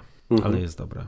No bo nie oszukujmy się, my tu mówimy cały czas, znaczy zakładam, że kto nas słucha, to wszyscy y, znają te sceny, ale mówimy o spacerach, o, o koniach, no o plaży. Właśnie. I to mówimy o, nadal o filmie o Jamesie Bondzie, nie? Więc yy, spacery po ogrodach. Też oglądanie pierścionka, bo to już w no tej tak. scenie jest ten moment, nie? Więc... No tak.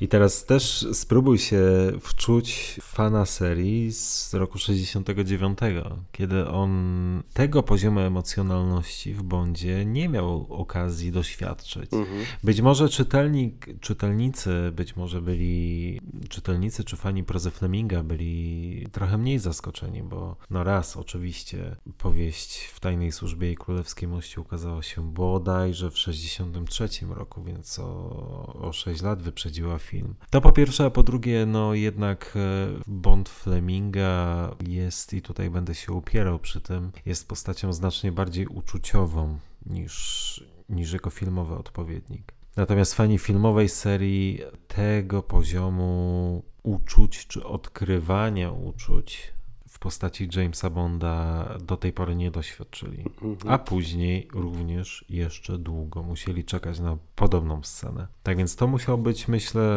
nie wiem, no, czy szok to jest dobre określenie. Natomiast musiało to być pewnie spore zaskoczenie dla ówczesnego widza. Myślę, że dużo osób, czy sporo fanów mogło nie zaakceptować takiego wizerunku ich ulubionego agenta, no ale gra była zdecydowanie warta świeczki.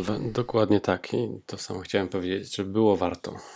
Zdecydowanie było warto. Jeszcze na zakończenie tylko chciałem dodać, że też bardzo fajna jest opowieść o tym, jak John Barry nagrał tą muzykę pod, e, pod wokal Louisa Armstronga, który już wtedy był bardzo mm, schorowany. To był jego ostatni utwór, który nagrał przed, e, przed śmiercią. Podobno bardzo sentymentalne było jego podziękowanie. On mm, też chyba zdawał sobie sprawę, że e, zaśpiewał e, fantastyczną piosenkę do fantastycznej muzyki i po nagraniu przyszedł się przytulić do, e, do Johna Barego czy do Petera Hunta, już nie pamiętam kto, kto to opowiadał, ale ktoś to odebrał jako niesamowicie sentymentalną, fantastyczną rzecz, no i niestety to był ostatni utwór mistrza, jakim jest Louis Armstrong, a ten film dał nam naprawdę niesamowite arcydzieło w e, kontekście tej piosenki,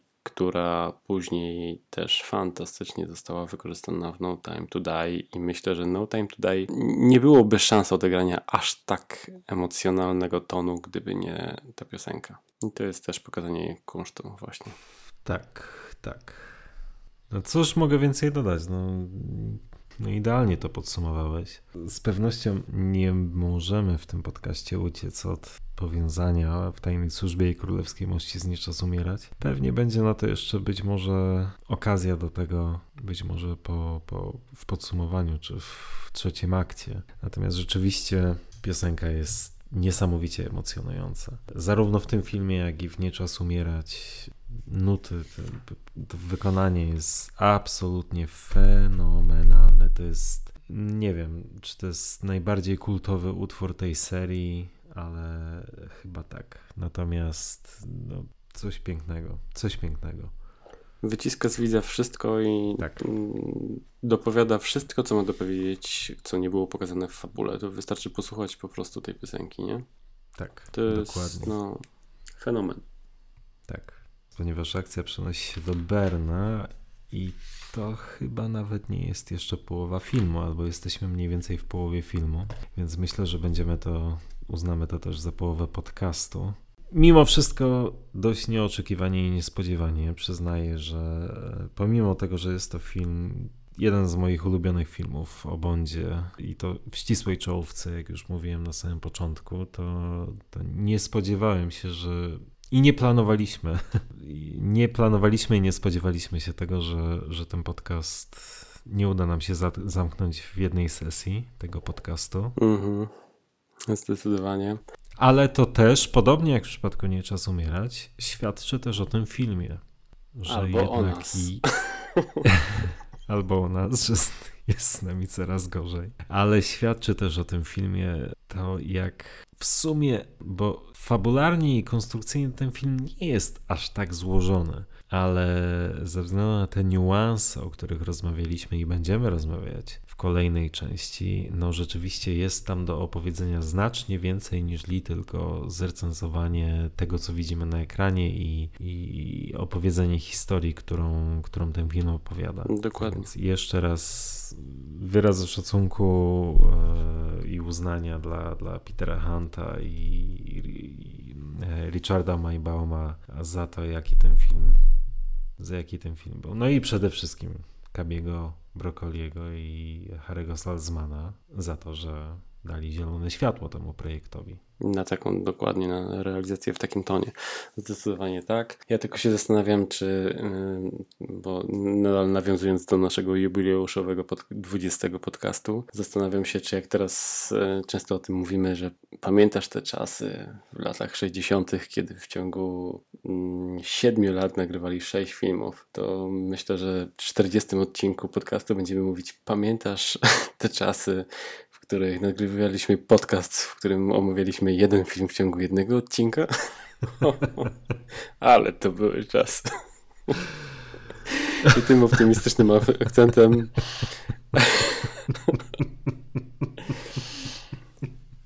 Nie możemy się doczekać kolejnej części podcastu. Mam nadzieję, że Wy również, ale chyba na tym etapie zakończymy tą, e, tą opowieść o tajnej służbie i królewskiej mości. Ale do tematu z całą pewnością jeszcze wrócimy, ponieważ jest to cała masa historii została nam do opowiedzenia.